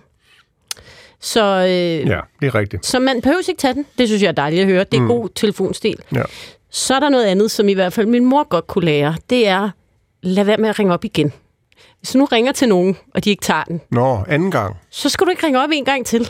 Ah, okay. Det kan jeg høre, I gør I to. Ja. Ja, en gang imellem. Ja. Det er det, der hedder redial, og det er kun for liv og død opkald, siger øh, øh, etiketchefen her. I alle andre tilfælde sender du en sms. Jeg ringede lige for at høre et eller andet. Du kan ringe tilbage. Du skal ikke bare blive ved med at ringe op igen og igen. Nå, hvis, nu, hvis, nu Det ens, tager jeg til mig. Det hvis tager nu jeg ens kærlighed er spændt ud på det parameter, der hedder liv og død, så bliver man nødt til at ringe ind til flere gange. Ja, men det skal man holde op med. Bare, bare send en sms. Nu forstår jeg, hvorfor jeg ofte ikke får et svar. Nu kommer der så den værste dødssynd af dem alle. Du skal aldrig nogensinde lægge en telefonbesked. Bah. Det, Hvorfor det? Telefonbeskeder er en anachronisme, siger alle etiketteeksperterne. Det er en skik, som hører en anden tid til, og en telefonbesked er blot til gene i dag. Ingen gider aflytte dem. Så lad være med at lægge en besked efter biblyden. der er jo endda okay. telefonsvarer, hvor, Fandme meget, vi får at vide, vi skal hvor, hvor øh, ham eller hende, der har indtalt den, siger, jeg lytter ikke til min skælde ud hele Det er tiden. sjovt nok. Hvorfor tror du, hvorfor tror du altid? jeg, jeg prøvede faktisk i dag for første gang længe at lægge en telefonbesked hos en mulig gæst. Det er End, dumt. endda på halv fransk, hvilket var helt åndssvagt, for jeg klumrede i det. Men det gør det kun endnu værre. Ja, det gjorde det. I, I skal ikke lægge beskeder. Nej, okay. Nummer fem er, hold op med at bruge medhør i det offentlige rum. Ej, det er også Ja, Ej, ej, grusomt. Det ja det der FaceTime, det er fandme irriterende. Så er råd nummer 6. Følelser er til stemmen, facts er til beskeder. Der er stadig tidspunkter, hvor en gammeldags samtale er bedre end besked, og det er til følelsesladet kommunikation. Ej, altså, er det Emma Gades amerikanske oldebarn? Men det er klart, du kan jo ikke sende en sms og slå op, for eksempel. Så, så, så ringer du. Mm. Øh, og så er øh, det sidste øh, råd, det er, forvent ingen glæde i den anden ende. altså, ingen glæde over hvad? En person, der før i tiden tog telefonen, gjorde det typisk med en høflig venlighed. Det skal man ikke forvente længere. Nej. Er. Telefonsamtaler er blevet så sjældne, og det kender man altså godt fra sine børn, de er ikke særlig rare til telefon med. Telefonsamtaler er blevet så sjældne, at de for mange mennesker virker unødigt alarmerende og påtrængende, og derfor vil reaktionen ofte være derefter. Så forvent ingen glæde over et spontant opkald. Nå, ej, det oplevede jeg faktisk øh, sidste søndag, hvor jeg prøvede at komme i kontakt med programmets redaktør Thomas.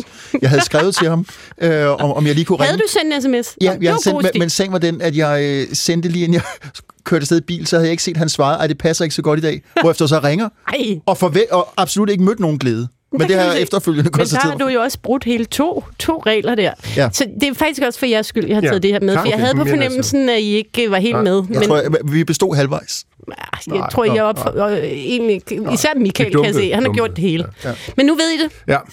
Øhm, ja, der er også andre ting, man kunne have fået til. Altså, øh, den stribevis af løgne, man bliver mødt af.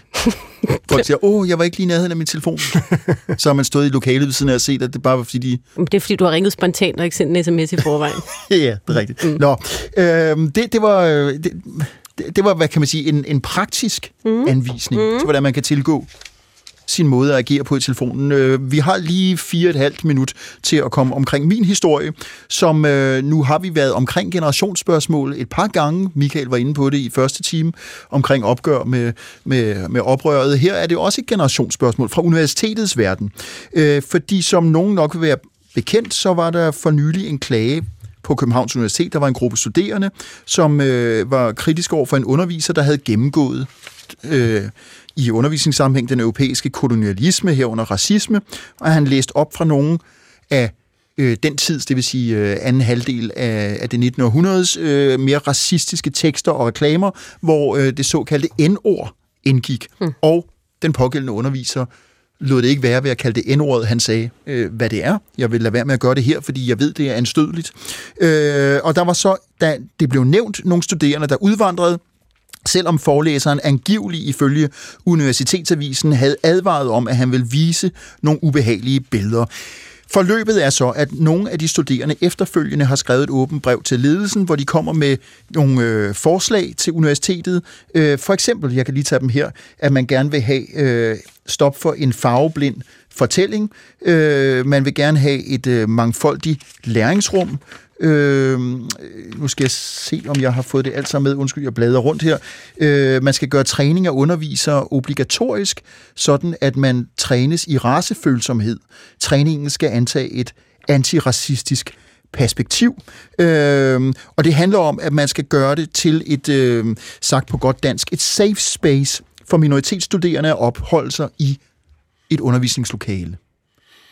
Nu håber jeg ikke, jeg har fejlrepræsenteret kritikken. Det er nogenlunde sådan, som den står at læse i Universitetsavisen. Mm. Og da jeg læste, tænkte jeg, og det her generationsperspektivet kommer ind, som en, der har gået på universitetet op gennem 90'erne, så tænker jeg, mm, et safe space for de studerende. Jeg vil hellere have et uh, safe space for forskningen og for formidlingen. Og det er sådan, jeg tror, der generationerne brydes.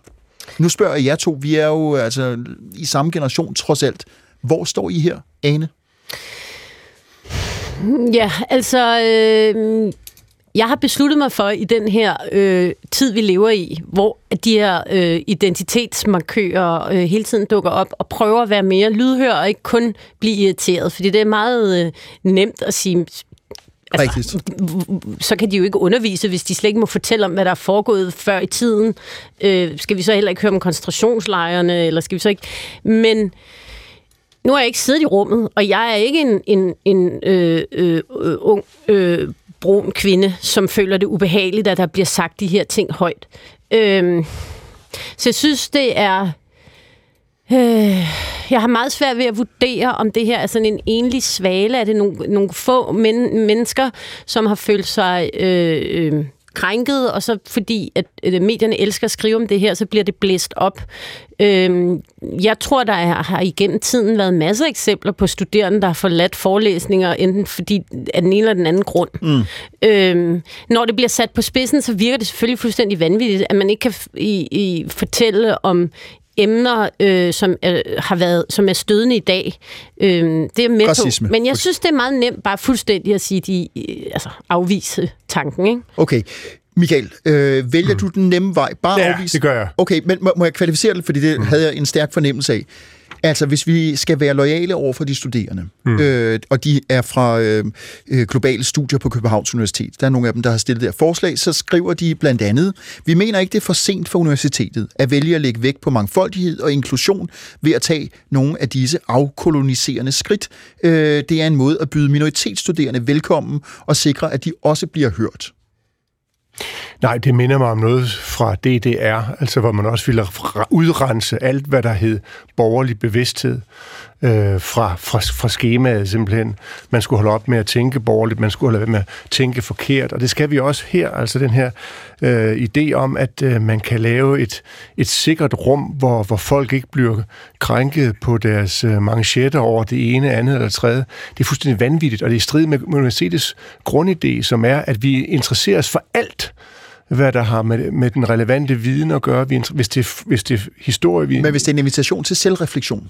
Det, vi Kritisk kan, selvreflektion? Jamen selvfølgelig kan man det, men studiet af fortiden, studiet af historien, mm. er en, en, et studie øh, af forskelle. Historien er forskellig fra nutiden. Det er helt grundlaget for historiefaget. Du er nødt til at forstå, det var det, vi talte med, med kunsthistorikeren om før, da vi havde det her billede, mm. som, øh, hvor, vi, hvor vi, vi, vi moderne øjne misfortol- mistolker, øh, misfortolker det blik, som den unge øh, brud. brud har. Vi tror, hun er vred. I virkeligheden er hun himmelfalden. Og det gør en verden til forskel. Det er, fordi vi ikke, vi ikke evner at sætte, sætte os ind i fortiden. Det er faktisk svært at sætte sig ind i fortiden. Altså, Michael, bare lige for at forstå, vi skal til at runde af. Mm. Altså, det, hvis jeg skal tolke Ja. Det du siger, det er, at følsomheden over for for eksempel racisme, over for ja. det anstødelige ja. ja. N-ord, ja. øh, i en undervisningssammenhæng, den følsomhed risikerer faktisk at blokere for læringen i, hvad racisme oh, ja. er. Og det betyder, indebærer også, at de pågældende mennesker er ikke egnet til at gå på universitetet. De skal oh, du er altid en mand for de hårde øh, finde på noget andet at lave, fordi de, de bliver ikke andet end krænket. Hvis de interesserer sig for historien, så vil de opleve en lang række af krænkelser. Sådan er det. Vend jer til det. Færdig. Så et, øh, hvis det står til Michael, ikke et safe space for en personlig oplevelse af at være krænket, men et safe space for videnskaben, for Ja, det er det, det går ud på. formidling. Okay, vi lader det være der. Vi, jeg medgiver, fordi at det er, som Ane var inde på, det er følsomt terræn. Mm. De pågældende studerende er jo ikke som sådan kommet til ord her. Jeg har refereret noget fra Universitetsavisen. Det kan være, at vi tager det op på et senere tidspunkt. Det har vi jo for vane at gøre her i programmet. Ja,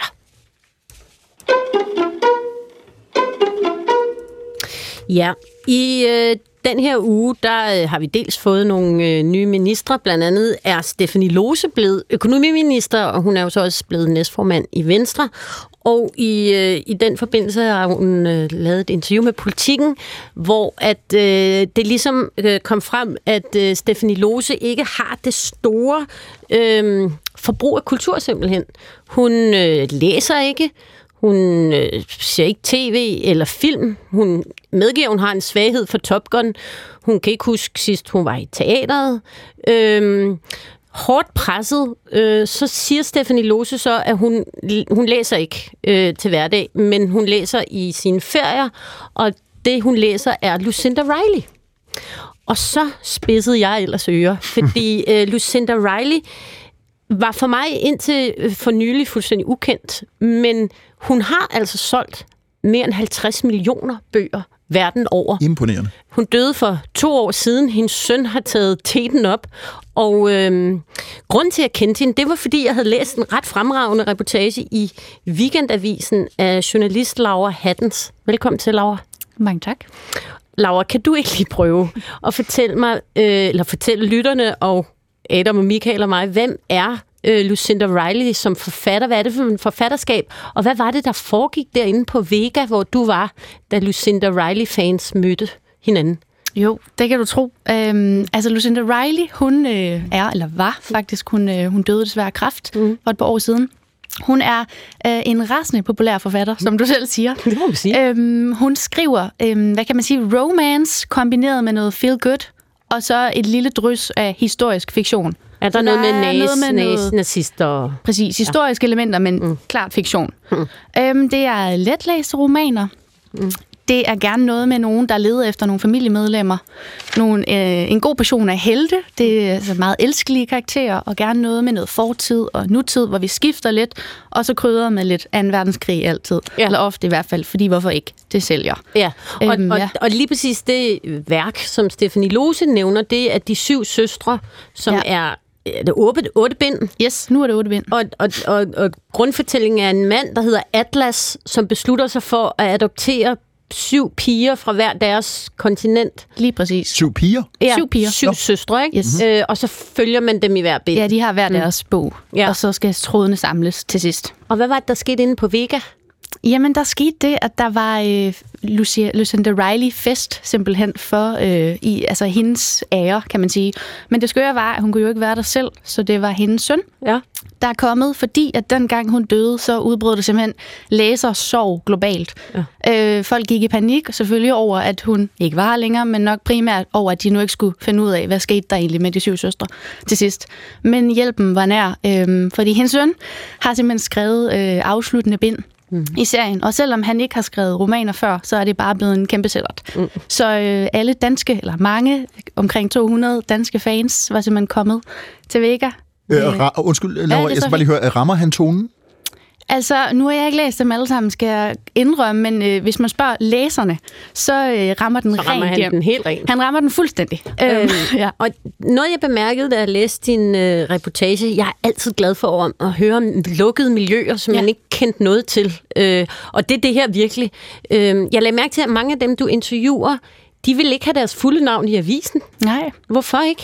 Jamen, øh, noget af det, der er sjovt ved Lucinda Riley, også derfor Ja. jeg tog til det, altså det var i øvrigt i samme uge, som øh, Nobelprisen i litteratur blev uddelt. Og Ja. det synes jeg var lidt sjovt, fordi at vi på den ene side ser den litteratur, øh, som i hvert fald de fine aviser og anmelderne er enige om, det er den rigtige, det er fin kultur, mm. som er ligesom en af de gode, ikke? Mm. Men som måske ikke super mange mennesker egentlig har læst. Og så er der på den anden side folk som øh, Lucinda Riley, mm. den slags forfattere, som øh, er lidt dårlig smag, bliver det anset for, men faktisk er det flertallet læser. Mm. Øhm, ja, det er der noget paradoxalt over, ikke? Og det der, jeg spurgte jo så øh, en masse af de her fans, og de, de kom med ordet læseskam. Mm. Øh, der var, de ville egentlig ikke have deres navn i avisen, som du sagde. Øh, og så tænkte jeg, hvorfor det, når du nu er fan? Mm. Og så var der en, der sagde det ret godt, synes jeg. Hun sagde noget med, at det er lidt ligesom dansk top. Der er mm. rigtig mange, der hører det, men det sker altid bag nedrullet gardiner derhjemme. ja. Øhm, ja. Og, og altså, jeg prøver jo hele tiden at forestille, eller sætte Stephanie Lose i sammenhæng mm. med det her, fordi hun har så få markører i det her interview i. Altså, hvem er hun? Ja. Øh, og når hun ligesom ikke nævner andet end Lucinda Riley, hvad er det for nogle læsere af Lucinda Riley? Hvad var det for nogle mennesker, du mødte? Havde de noget fælles, nogle fælles øh, markører? Altså, øh, de var alle sammen kvinder. Der var en mand, og jeg er ret sikker på, at han var med sin kone for, for støtten. øhm, så det er i hvert fald kvinder, mm. og så er de, lagde jeg mærke til kvinder i den alder, hvor man hedder Marianne, Susanne, Birgit, i hvert fald 45 år op efter. Mm.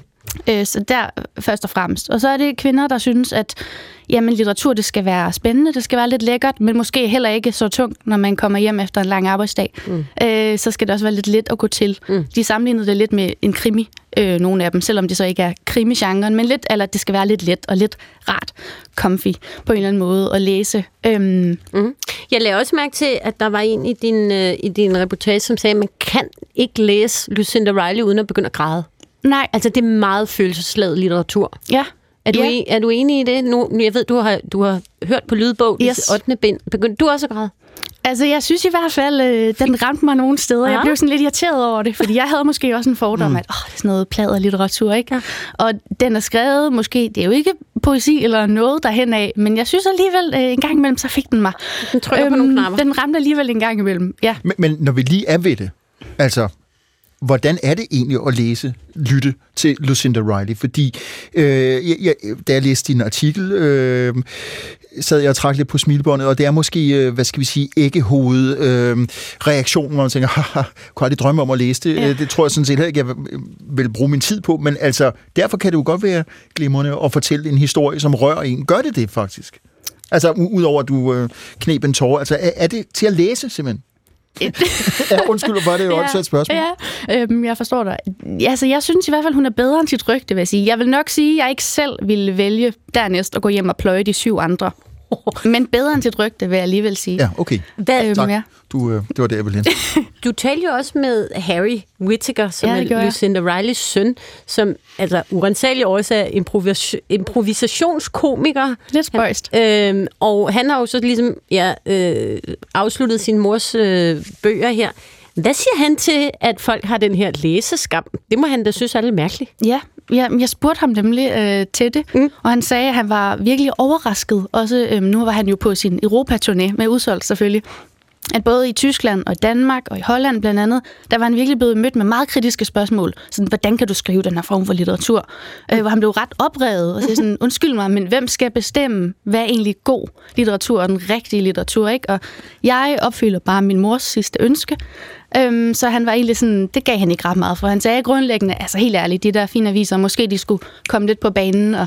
Altså Holland, Tyskland, Danmark, det er også de hårde lutheranske områder. Der synes man simpelthen, altså hun må være kommet alt for let til det. Ja, fordi han møder ikke samme farvelse i England, ne? Nej, det gør han nemlig ikke. Han sagde, at det her det er slet ikke en debat derhjemme. Altså, mm. hvis jeg sætter mig ind i typen, som han siger, mm. så er det ligegyldigt, om jeg sidder og læser Dings eller Lucinda mm. Riley, mm. eller hvad det nu end det er. Bare det, at jeg læser, altså giv det lige en klapsalve, ikke? I en tid af sociale medier, og mm. ingen kan koncentrere sig i længere end 20 sekunder, mm. sagde han. Og nu er det her jo spekulation, Laura, men, ja. men tror du, at, øh, at det er tilfældigt, at Stephanie Lose ud af alt, hvad hun kunne vælge at nævne som mm, sommerferielæsning, lige præcis nævner Lucinda Riley? Jamen, jeg kan godt høre, du, øh, du hører nogle, øh, nogle toner derovre. Jeg ved det ikke rigtigt. Altså, enten så er hun øh, det, som hun jo også gerne vil vise, at hun er. Altså jordnær og som mennesker er flest, og bare gerne vil have lov at slappe lidt af, når hun skal læse. Ikke? Mm. Altid blive klogere. Mm. Eller også så er det en lille strategisk genistreg, som du måske lægger lidt op til derovre. Mm. Kunne være øh, måske lidt en, øh, en lange mand, tænker jeg, til også de politikere, der altid inden sommerferien skal poste alle de bøger, de har tænkt sig at ja, læse. altså Mette Frederiksen er jo kendt for ja. at lægge sådan en bogbunke op, at, at det det. alt det sådan godkendte øh, litteratur, som man bør læse. Alt det rigtige. Øhm, det jeg ikke kan lade være med at tænke, nu er jeg gået i gang med at læse den her, ja. øh, og jeg har tænkt mig at læse den, fordi øh, det, det, det synes jeg, at øh, hvis der er 50 millioner mennesker, der øh, er ved at dø over det her, så, vil, så må der jo være noget om det. Så jeg har også tænkt mig at læse den. Men det, jeg har lidt på fornemmelsen, er, at man skal være en sentimental romantiker. Altså man skal virkelig dyrke de her øh, øh, følelser øh, for at få noget ud af det. Og det tænker jeg, den her kølige kvinde, Stephanie Lose, der må jo boble noget inde i hende, når at hun kan øh, blive så glad for de syv søstre. Ja, hvad? Hvad altså, du, Laura? man kan godt se et clash på en eller anden måde øh, i det, du siger. Øhm, spørgsmålet er jo så, om der gemmer sig noget, vi ikke har set i Stephanie Lose, eller om det er en, en smart strategi til også at understrege, at øh, jeg er altså en, man kan stole på. Jeg er bare ligesom alle jer andre derude. Ja. Ja. Det skal jeg ikke gøre mig klog på. Ja, ja. Det er jo egentlig meget befriende, ikke? Altså, fordi Ja. mange af de interviews, de, de kulminerer med Mozart og Dostojevski, og jeg har lige været i teater, og det var helt forrygende, og bla bla bla, ikke? Man tænker, laver de ikke andet end at øh, forbruge kultur? Ja. Jamen, jeg tænkte også straks over det, da det dukkede op.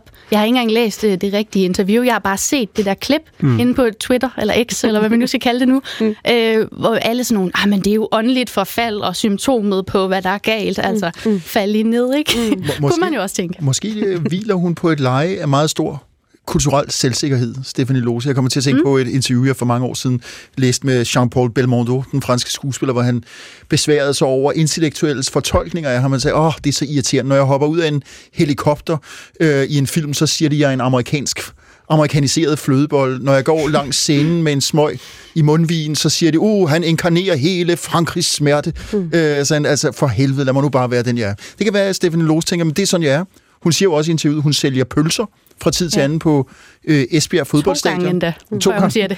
Og så læser hun øh, det her, øh, altså... Øh, Jeg vil sige, hun er, jo, hun er jo den øh, politiker, der i nyere tid har klaret den her, jeg vil kalde det kulturfælde bedst. Fordi det sker jo altid, når, især når der kommer kulturminister til, så skal de, give ud, så skal de svare på deres kulturforbrug, Ja. og så bliver de bare dømt benhårdt bagefter. Ikke? Vi kan godt huske Joy Mogensen, der ja. Taler om Absolute Music, øh, hvor på en eller anden måde, så har hun jo, øh, så har hun jo øh, klaret den forbløffende godt. Øh, og jeg synes, at det er lidt en genistreg at nævne Lucinda Riley, hvis jeg skal være helt ærlig. Jeg tror, jeg, tage, jeg tror, at næste gang nogen spørger mig om, hvad min yndlingslitteratur er, så tror jeg også, jeg vil sige det. ja, den. hvis du rent faktisk mener det, det kunne være sjovt at høre. Jamen, jeg skal i gang med den. Øh, Atlas, historien om Parasort. Jeg vil sige, giv den lige 50 sider, Okay. før du lige... Man skal lige i gang. Okay, yes, men det gør jeg. Det gør jeg. Jeg har, jeg har dejlig masser af tid til over, så det vil jeg kaste mig over. Laura Hattens, du er øh, journalist på Weekendavisen.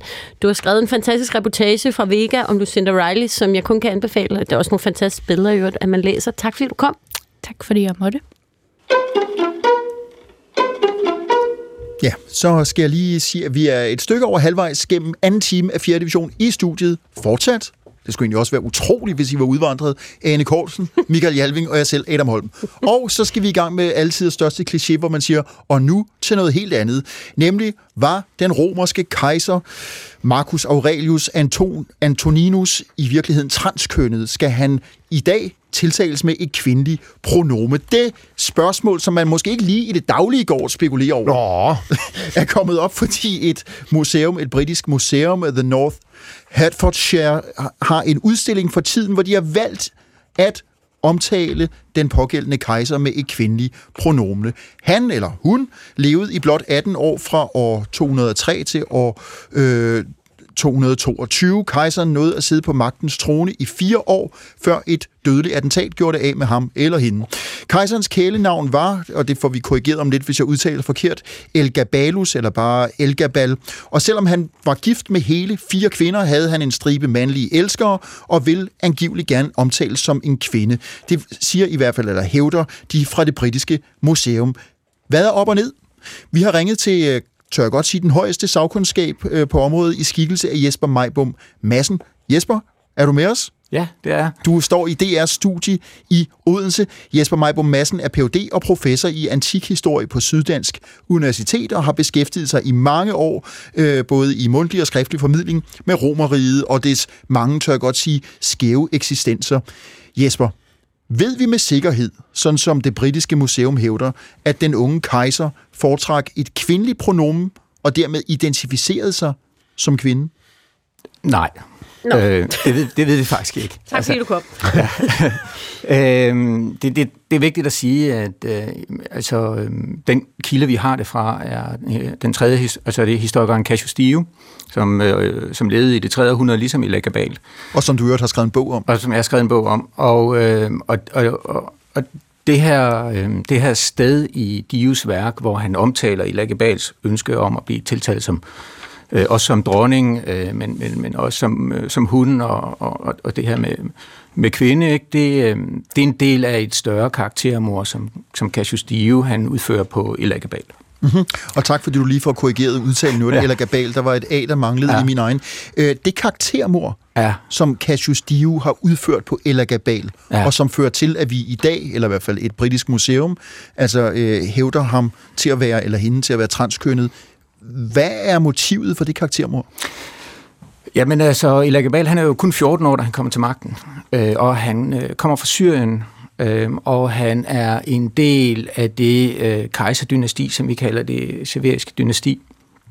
Og øh, det har Cassius Dio godt nok været en meget lojal embedsmand i, men, øh, men efter at øh, Dio trækker sig tilbage fra Romers politik i slutningen af 229 efter, ja, så sætter han sig ned og skriver øh, en samtidshistorie, hvor han er meget hård i sin dom over de her siveriske kejser. Øh, og, og der får øh, altså, i Lagabal også øh, altså, hele turen.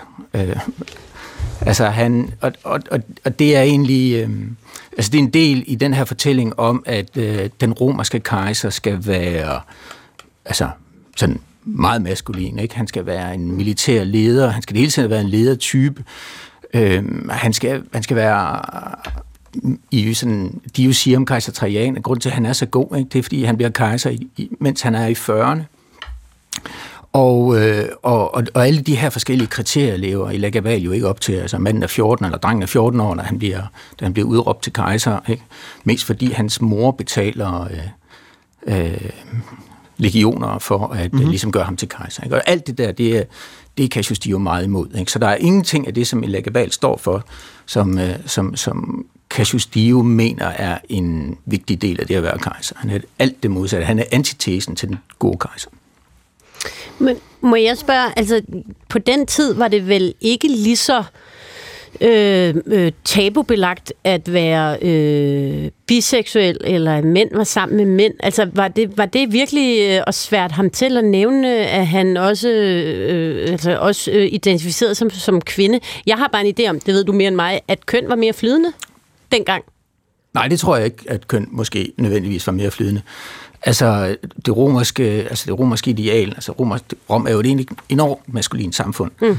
Øhm, og, øh, og, og når man sådan, altså man kan altid sådan svære en politisk modstander til, eller en kejser til, eller en eller anden form for leder til, ved at sige, at de har nogle kvindelige træk. Okay. Øhm, og, og derfor så, øh, altså jeg, jeg genlæste lige det der, de der passager der i dag, mm. ikke? altså mm. det er en lang historie om, at han har mange mandlige elskere, og han, og han vil ligesom være dronning, ikke? Det med, når han sådan siger, at man vil være dronning, jamen, så er man jo ikke rigtig kejser mere. Og sådan noget. Okay. Så, så der er, det, altså, så hele den der historie for det britiske museum, altså at, at, at Elagabal gerne vil tiltale som kvinde, altså gerne bruge et kvindeligt pronomen, ikke? Det, det baserer sig så alene på en kilde, hvis mål med den tekst, han har skrevet, er at øh, deservere ham som, som, øh, som kejser. Men Jesper, det får mig til at spørge dig, altså, når det er så indlysende for dig, der ja. kan de der kilder, øh, altså, det britiske museum, kan de ikke deres kildekritik, eller øh, er det noget helt andet, det handler om, at de vil gerne gøre sig til og, og få opmærksomhed i medierne? Nu sidder vi her på den anden side af kanalen og taler om det museum. Øh, er de simpelthen dårlige museumsfolk? Jamen, det kommer det ikke lidt an på, hvad man egentlig vil med, med den der historie. Ikke? Altså, hvis man gerne vil være altså meget inkluderende og, og, og sådan noget, ikke? Altså, som, som, som man vil gerne forstå i Lagabal så meget som overhovedet muligt, og man vil gerne stille nogle eventualiteter op og sådan noget, jamen så kan man jo godt, øh, så kan man jo godt sådan overveje disse her ting, ikke?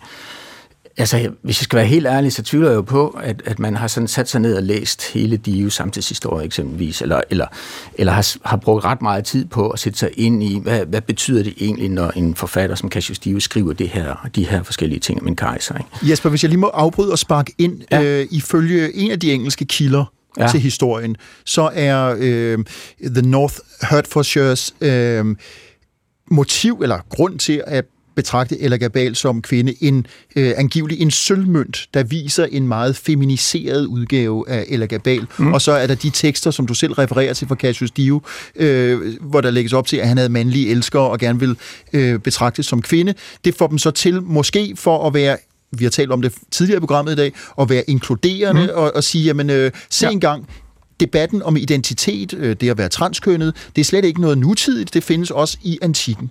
Ja, men, men prøv at, der, der er jo ikke, altså, øhm, Ella Gabal er jo ikke kommet til Rom øh, og har været sådan meget sådan maskulin og soldateragtig og, og sådan optrådt ligesom nogle af de der andre kejser, også for eksempel sådan en som Trajan, som sådan meget soldater Øh, Kaiser, det var meget vigtigt for ham at være general og sådan noget. Han er jo kommet på en anden måde. Ikke? Han har jo haft et langt mere feminint udtryk, end man havde været vant til. Ikke? Mm-hmm. Han har jo, altså, flere af vores kilder taler om det der med at meget brug af make-up. Ikke? Øhm, der er flere af vores, øh, altså kilder ikke bare øh, Cassius Dio, men også den historiker, der hedder Herodian, ikke? som taler om, at det her, netop det her med, at han har øh, mandlige elskere, men han har jo også rigtig mange Altså, han har jo også rigtig mange kvindelige elskere. Han har gift flere gange. Og ja, sådan fire gange. Ja, han har haft travlt. Ja, ja. Øh, og, og, og, så, så, så, så, så, man kan sige, at øh, altså, det er jo ikke sådan, det er jo ikke sådan taget fuldstændig ud af den blå luft. Altså, øh, Illa Gabal er kommet ind til Rom på en helt anden måde, øh, og har haft et helt andet udtryk. Øh, er også det med, at han har jo været præst i en kult, øh, som øh, den gud hedder også Illa Gabal, så han har jo taget det der navn, ikke? og har været danser og sådan noget. Ikke? Og han udpeger alle mulige mærkelige folk i en romersk forstand, altså øh, folk fra underholdningsbranchen ikke? til at være, øh, til at være øh, toneangivende romer i en politisk administration, eller toneangivende øh, embedsmænd i en politisk administration, eller en, en provinsadministration. Så der ligger jo også det her med, at han at, at han er på en anden måde. Ikke? Så når, når du ligger alle de der forskellige ting sammen, ikke? så bliver han så bliver han, det bliver jo nemt at, mm. at portrættere ham på en bestemt måde. Og, og, og, og dermed så, så kan man jo også tage fat i det her med, at han, han jo ser feminin ud, ikke? og det har i sig selv været mistænksom. Ikke? Det, det er godt nok lidt af et CV, du får opregnet for en mand, som mm. øh, man kan korrigere sig selv og sige, øh, dreng, som kun blev 18, altså øh, bortset fra, at øh, teenage-surmulerier først er opfundet lidt senere i tiden, altså øh, var det almindeligt at nå så meget... Øh, på den korte tid, altså han nåede at være kejser i fire år. Ja. Hvad, hvad, hvad gjorde ham i øvrigt så forkædret eller kontroversiel, at han skulle myrdes?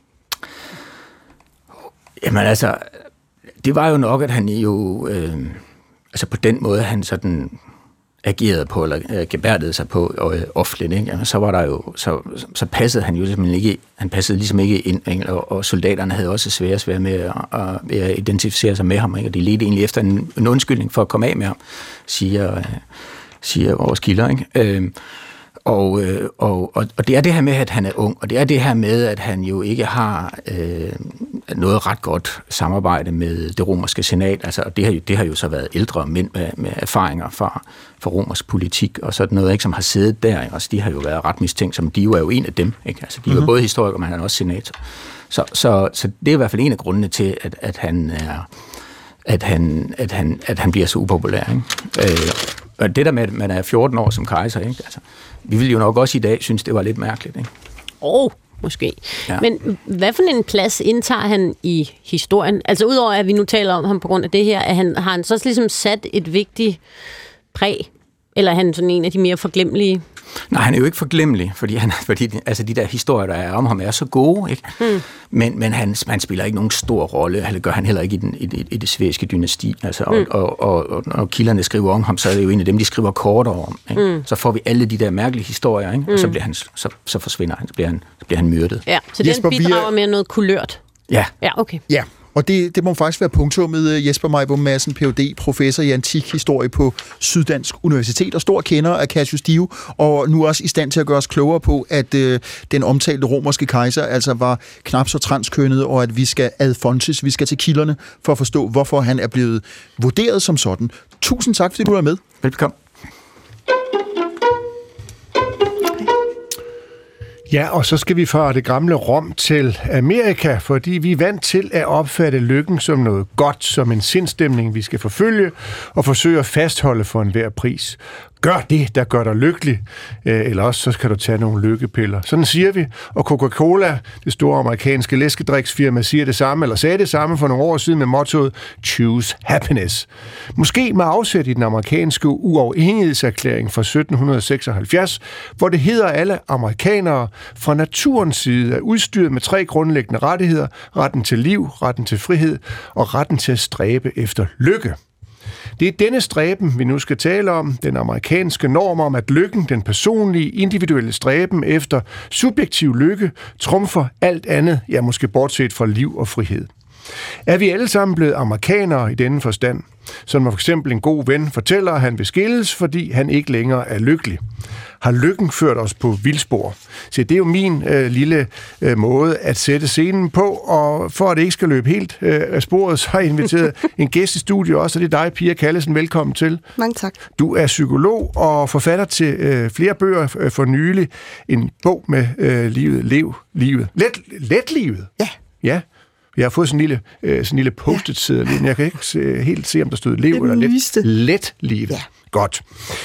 Øh, kan du stige på den her præmis om arven fra Amerika, altså vores stræben efter lykke? Er den gået os i blodet på en eller anden måde? Er vi alle sammen blevet amerikanere? Øh, altså, når jeg, jeg er psykolog og arbejder i en klinik, hvor mange kommer ind, og netop, altså, jeg kommer med, med altså, smerte, jeg, jeg får angst, jeg, jeg, jeg vil gerne være lykkelig, jeg vil gerne være mere glad, jeg savner at være mere glad. Så de kommer selvfølgelig som udgangspunkt med en målsætning om at få flere positive følelser og færre negative følelser. Mm. Så det er et udbrændt mål for alle klienter, der kommer i terapi.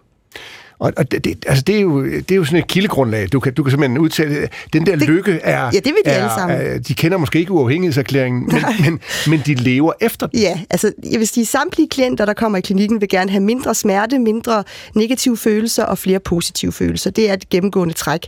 Ja. Øh, når man opsøger en psykolog, så vil man gerne ja, have det bedre, færre negative symptomer, mindre angst, mm. mindre tristhed, mere, mere mm. lykke. Mm. Og så nævnte du en ting, uh, som jeg slet ikke havde set i den her sammenhæng, da vi talte sammen tidligere, ja Øh, telefonen.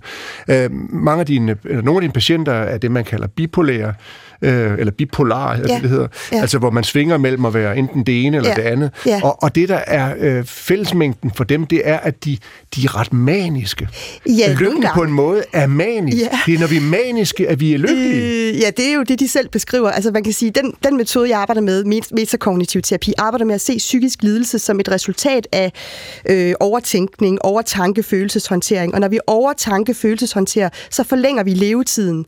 Øh, altså, vi, vi kommer til at prøve at slukke bålet med benzin, og så lever det bare videre. Og det er lidt det, der sker i en manisk situation, at vi, vi har en god dag, og så kan man sådan set forlænge den levetid, hvis vi begynder at gruble. Sådan maniske grublerier hedder det. Mhm. Åh, mm-hmm. oh, hvor er det fedt. Åh, oh, man, det kører for mig. Skal vi ikke købe en bil? Åh, oh, jeg skal købe en bil. altså, man, øhm, man, er, man, man kører op i sådan et højt gear, og man har faktisk positive grublerier, og, og fastholder lykkefølelsen kunstigt. Så man holder egentlig liv i det bål. Øh, og det er jo rart. Altså, det er jo, det er jo ambivalent. Altså, det er jo tvækket svært, fordi et eller andet sted vil man gerne forlænge den følelse, fordi den er så fed. Mm. På den anden side ved man godt, at der lurer lurer tømmermænd lige om hjørnet, fordi det er hårdt arbejde at gruble øh, i det hele taget. Også. Ja, og, og faldet er jo lige så stort. Så kommer faldet, og så kan man gruble øh, det depressive grublerier. Og det er derfor, når vi behandler dem metakognitivt, hvilket man faktisk godt kan, så vil de stadig have gode dage og dårlige dage, men mm. de har bare ikke de der forlængede udsving, når de ikke grubler så meget. Mm-hmm. Ja. En del af den her amerikanske arv er vel også, at vi siger, at, eller vi forventer, at folk selv indfrier lykken. Altså det er noget individuelt. Mm. Øh, du er din egen lykkesmed, kan vi finde på. Så det siger liberalisterne, ja. det har de altid sagt. Så ja. der, er, der er en forventning om, at man ligesom i ensomhed, i, eller i, øh, i sådan en, en suveræn øh, øh, sådan sologang, mm. kan man finde frem til lykken. Og hvis ikke man kan det, så har man fejlet. Ja, det er rigtigt. Altså jeg vil sige, lykken findes nok mere uden for os selv end inde i os selv. Hvis vi endelig skal håbe på mere flere ly- altså flygtige lykkefølelser, fordi det er jo det, der er følelser af flygtige, inklusiv lykkefølelse. Hvis vi skal håbe på, på flere flygtige lykkefølelser, så gælder det om at være lidt mere nærværende og måske lidt mere til stede i vores sociale liv og være mere øh, ja, i den ydre verden, øh, sådan så vi øh, ikke holder fast holder nogle af de her indre tilstande så meget.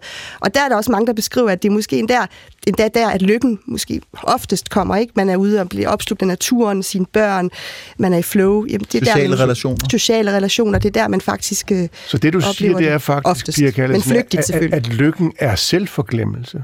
Ja, der, der har man i hvert fald chancen for oftest at opleve den. Men den var jo ikke ved, ligesom alle andre følelser, så er de jo flygtige, bålet går hurtigt ud. Så hvis man ikke forsøger at fastholde og, og forlænge, jamen så... Men det vil nok komme oftere, hvis vi glemmer os selv lidt mere. Mm. Mm, jeg ved ikke rigtigt, om jeg køber Michaels præmis om, at det er noget, der kommer fra Amerika. er det ikke grundlæggende noget, vi mennesker altid stræber efter, altså at være lykkelige? Er det ikke sådan en, en urting hos os? Altså, jeg synes jo ikke, der er noget mærkeligt i at ville, at ville opsøge øh, en tilstand, hvor man er lykkelig. Øh, nej, der er jo sådan en behovspyramide, kan man sige, men det er klart, at bor du nede i Gaza, så, så er det nok ikke lige det første, du tænker på, hvordan bliver jeg lykkelig? Så er det sådan en overlevelse, ikke? Hvordan overlever jeg? Så der er selvfølgelig en behovspyramide, hvor vi først og fremmest skal have mad, tag over hovedet, og så, er vi jo, så har vi jo ret meget tid nu til at, nu vil vi også noget mere, vi vil have selvværd, vi vil have det godt, vi vil, have, vi vil være lykkelige. Altså pludselig, så er det ikke bare mad og, og tag, og altså, nu vil vi også sådan, ja, være lykkelige, mm. fordi vi øh, har det andet, vi har mad, vi har det hele. Men, men det er vel heller ikke urimeligt?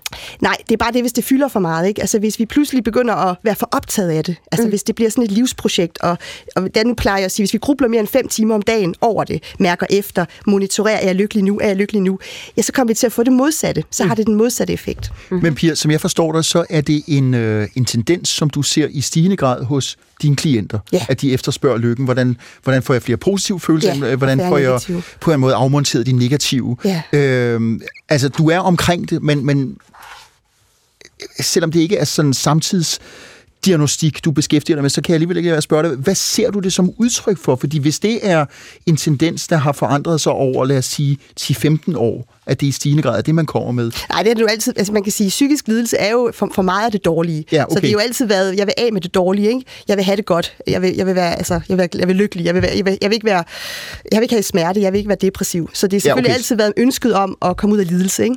Okay, så, så i ja, den forstand er der ikke noget, er der ikke noget nyt under solen? Nej, det, det har været ønsket for alle klienter i alle, altså siden psykologien har eksisteret, siden psykologer har eksisteret.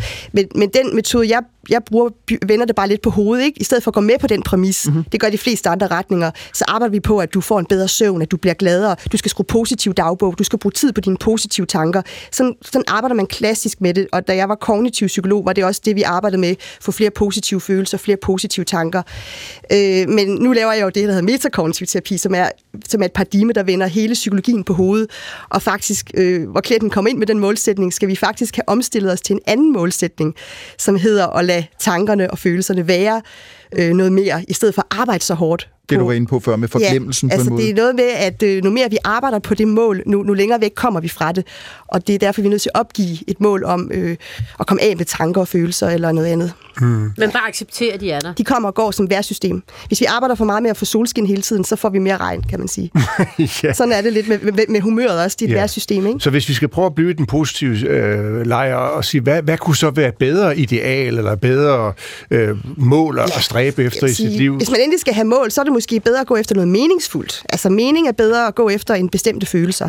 Så, øh, så hvis det er meningsfuldt at jeg ved det ikke, hjælpe andre, så er det bedre at gøre det, end at gå efter lykkefølelser. Man behøver ikke at være lykkelig, eller få børn for den sags skyld. Det behøver ikke at være en lykkelig omstændighed at have børn eller være gift, men, men er det meningsfuldt? Det er måske mm. bedre at spørge sig så selv det, det. det. Så det er virkelig, at man for, bliver forbundet med noget andet end sit eget projekt? Det altså man kommer ud over sin egen næsetip? Det er meget individuelt, hvad mening mm. er. Altså det er jo mm. helt forskelligt, mm. øh, hvad der giver mening for dig, giver måske ikke mening for mig. Så det er sådan meget, hvad der er meningsfuldt. Mm-hmm. Ja, eller så kunne det være nogle forpligtelser. Altså, det, det, lyder nogle... jo, det lyder jo ikke så frit øh, at, at være forpligtet, men, det men det, jeg hører bag ved vores samtale her, det er jo faktisk, at, at forpligtelsen Øh, det kunne være over for venner, eller over for et land, eller over for sin nærmeste, eller sin, sin, sin, sin, sin øh, bedre mm. halvdel, mm. Er, er, er en slags frihed. Det kan give mening for mange i hvert fald. Ja, det giver mere mening at, at have det, altså det mål, ikke? At have, hvis det er meningsfuldt. Og så måske være lidt mere nærværende i de relationer, så man på den måde giver den indre verden fred til at selvregulere. Så. Men okay, så det er bare lige må spørge dig om, ja, fordi ja. jeg sad og tykkede på, øh, ja, selvfølgelig alle dine svar, men også det, du ja. sagde før, men der er jo ikke noget nyt under solen i den forstand, at man kommer til en psykolog, fordi man øh, ja, egentlig gerne vil, man vil gerne have det bedre.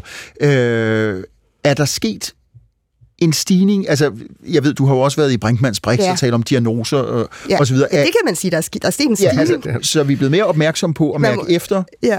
Øh, så i virkeligheden vil du gerne Der er flere afhjælpe... klienter, hvis man kan sige sådan, Ja, ja, der var i okay. gamle dage. Ja. Så, så der kom, der, der, altså, mistrivselen er steget, kan man sige. Eller, ekstremt. eller, eller fornemmelsen af, at man skal mærke efter, om man Ja, mistrives. det er jo så lige det. Der kom først høne og ægget, fordi, øhm, altså, som jeg sagde før, så, så nu, nu, vil jeg, ikke- nu vil jeg ikke blive venner med hele verden, men altså... Åh, det er fredag. Jeg vil sige, øh, nu har jeg jo selv lavet andre metoder også, og jeg har jo i min bedste mening hjulpet folk til at, at mærke efter. Det var det, jeg gjorde. Som, altså, de skulle monitorere deres humør, de skulle mærke efter, hvor meget lyst de havde til tingene, de skulle monitorere deres angstniveau og eksponere den væk osv. Øhm, og, og hvis, det, hvis nu, at det metakognitiv har ret, og det er den her overfokusering på tanker og følelser, der er årsagen, så kommer vi næppe til at, at løse det med mere af det.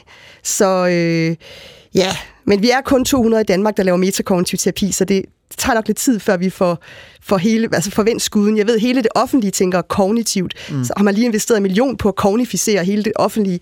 Så det er altså det, man får ude i den virkelige verden. Det er kognitiv terapi.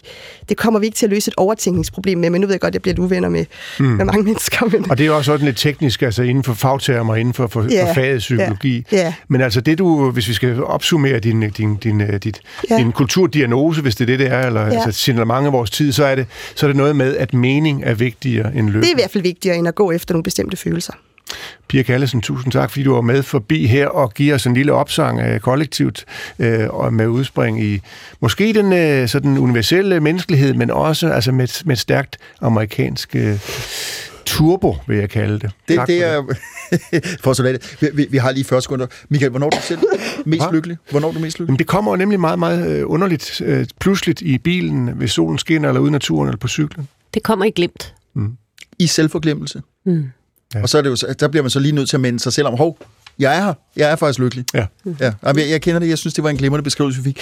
Vi er øh, kommet øh, meget tæt på vejs ende. Tak, Ane Korsen. Det er vores gæst. Piger, der hoster lidt, men sådan er det. Det er sæson for det.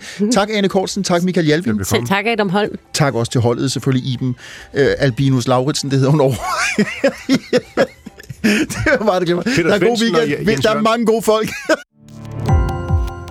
Gå på opdagelse i alle DR's podcast og radioprogrammer. I appen DR Lyd.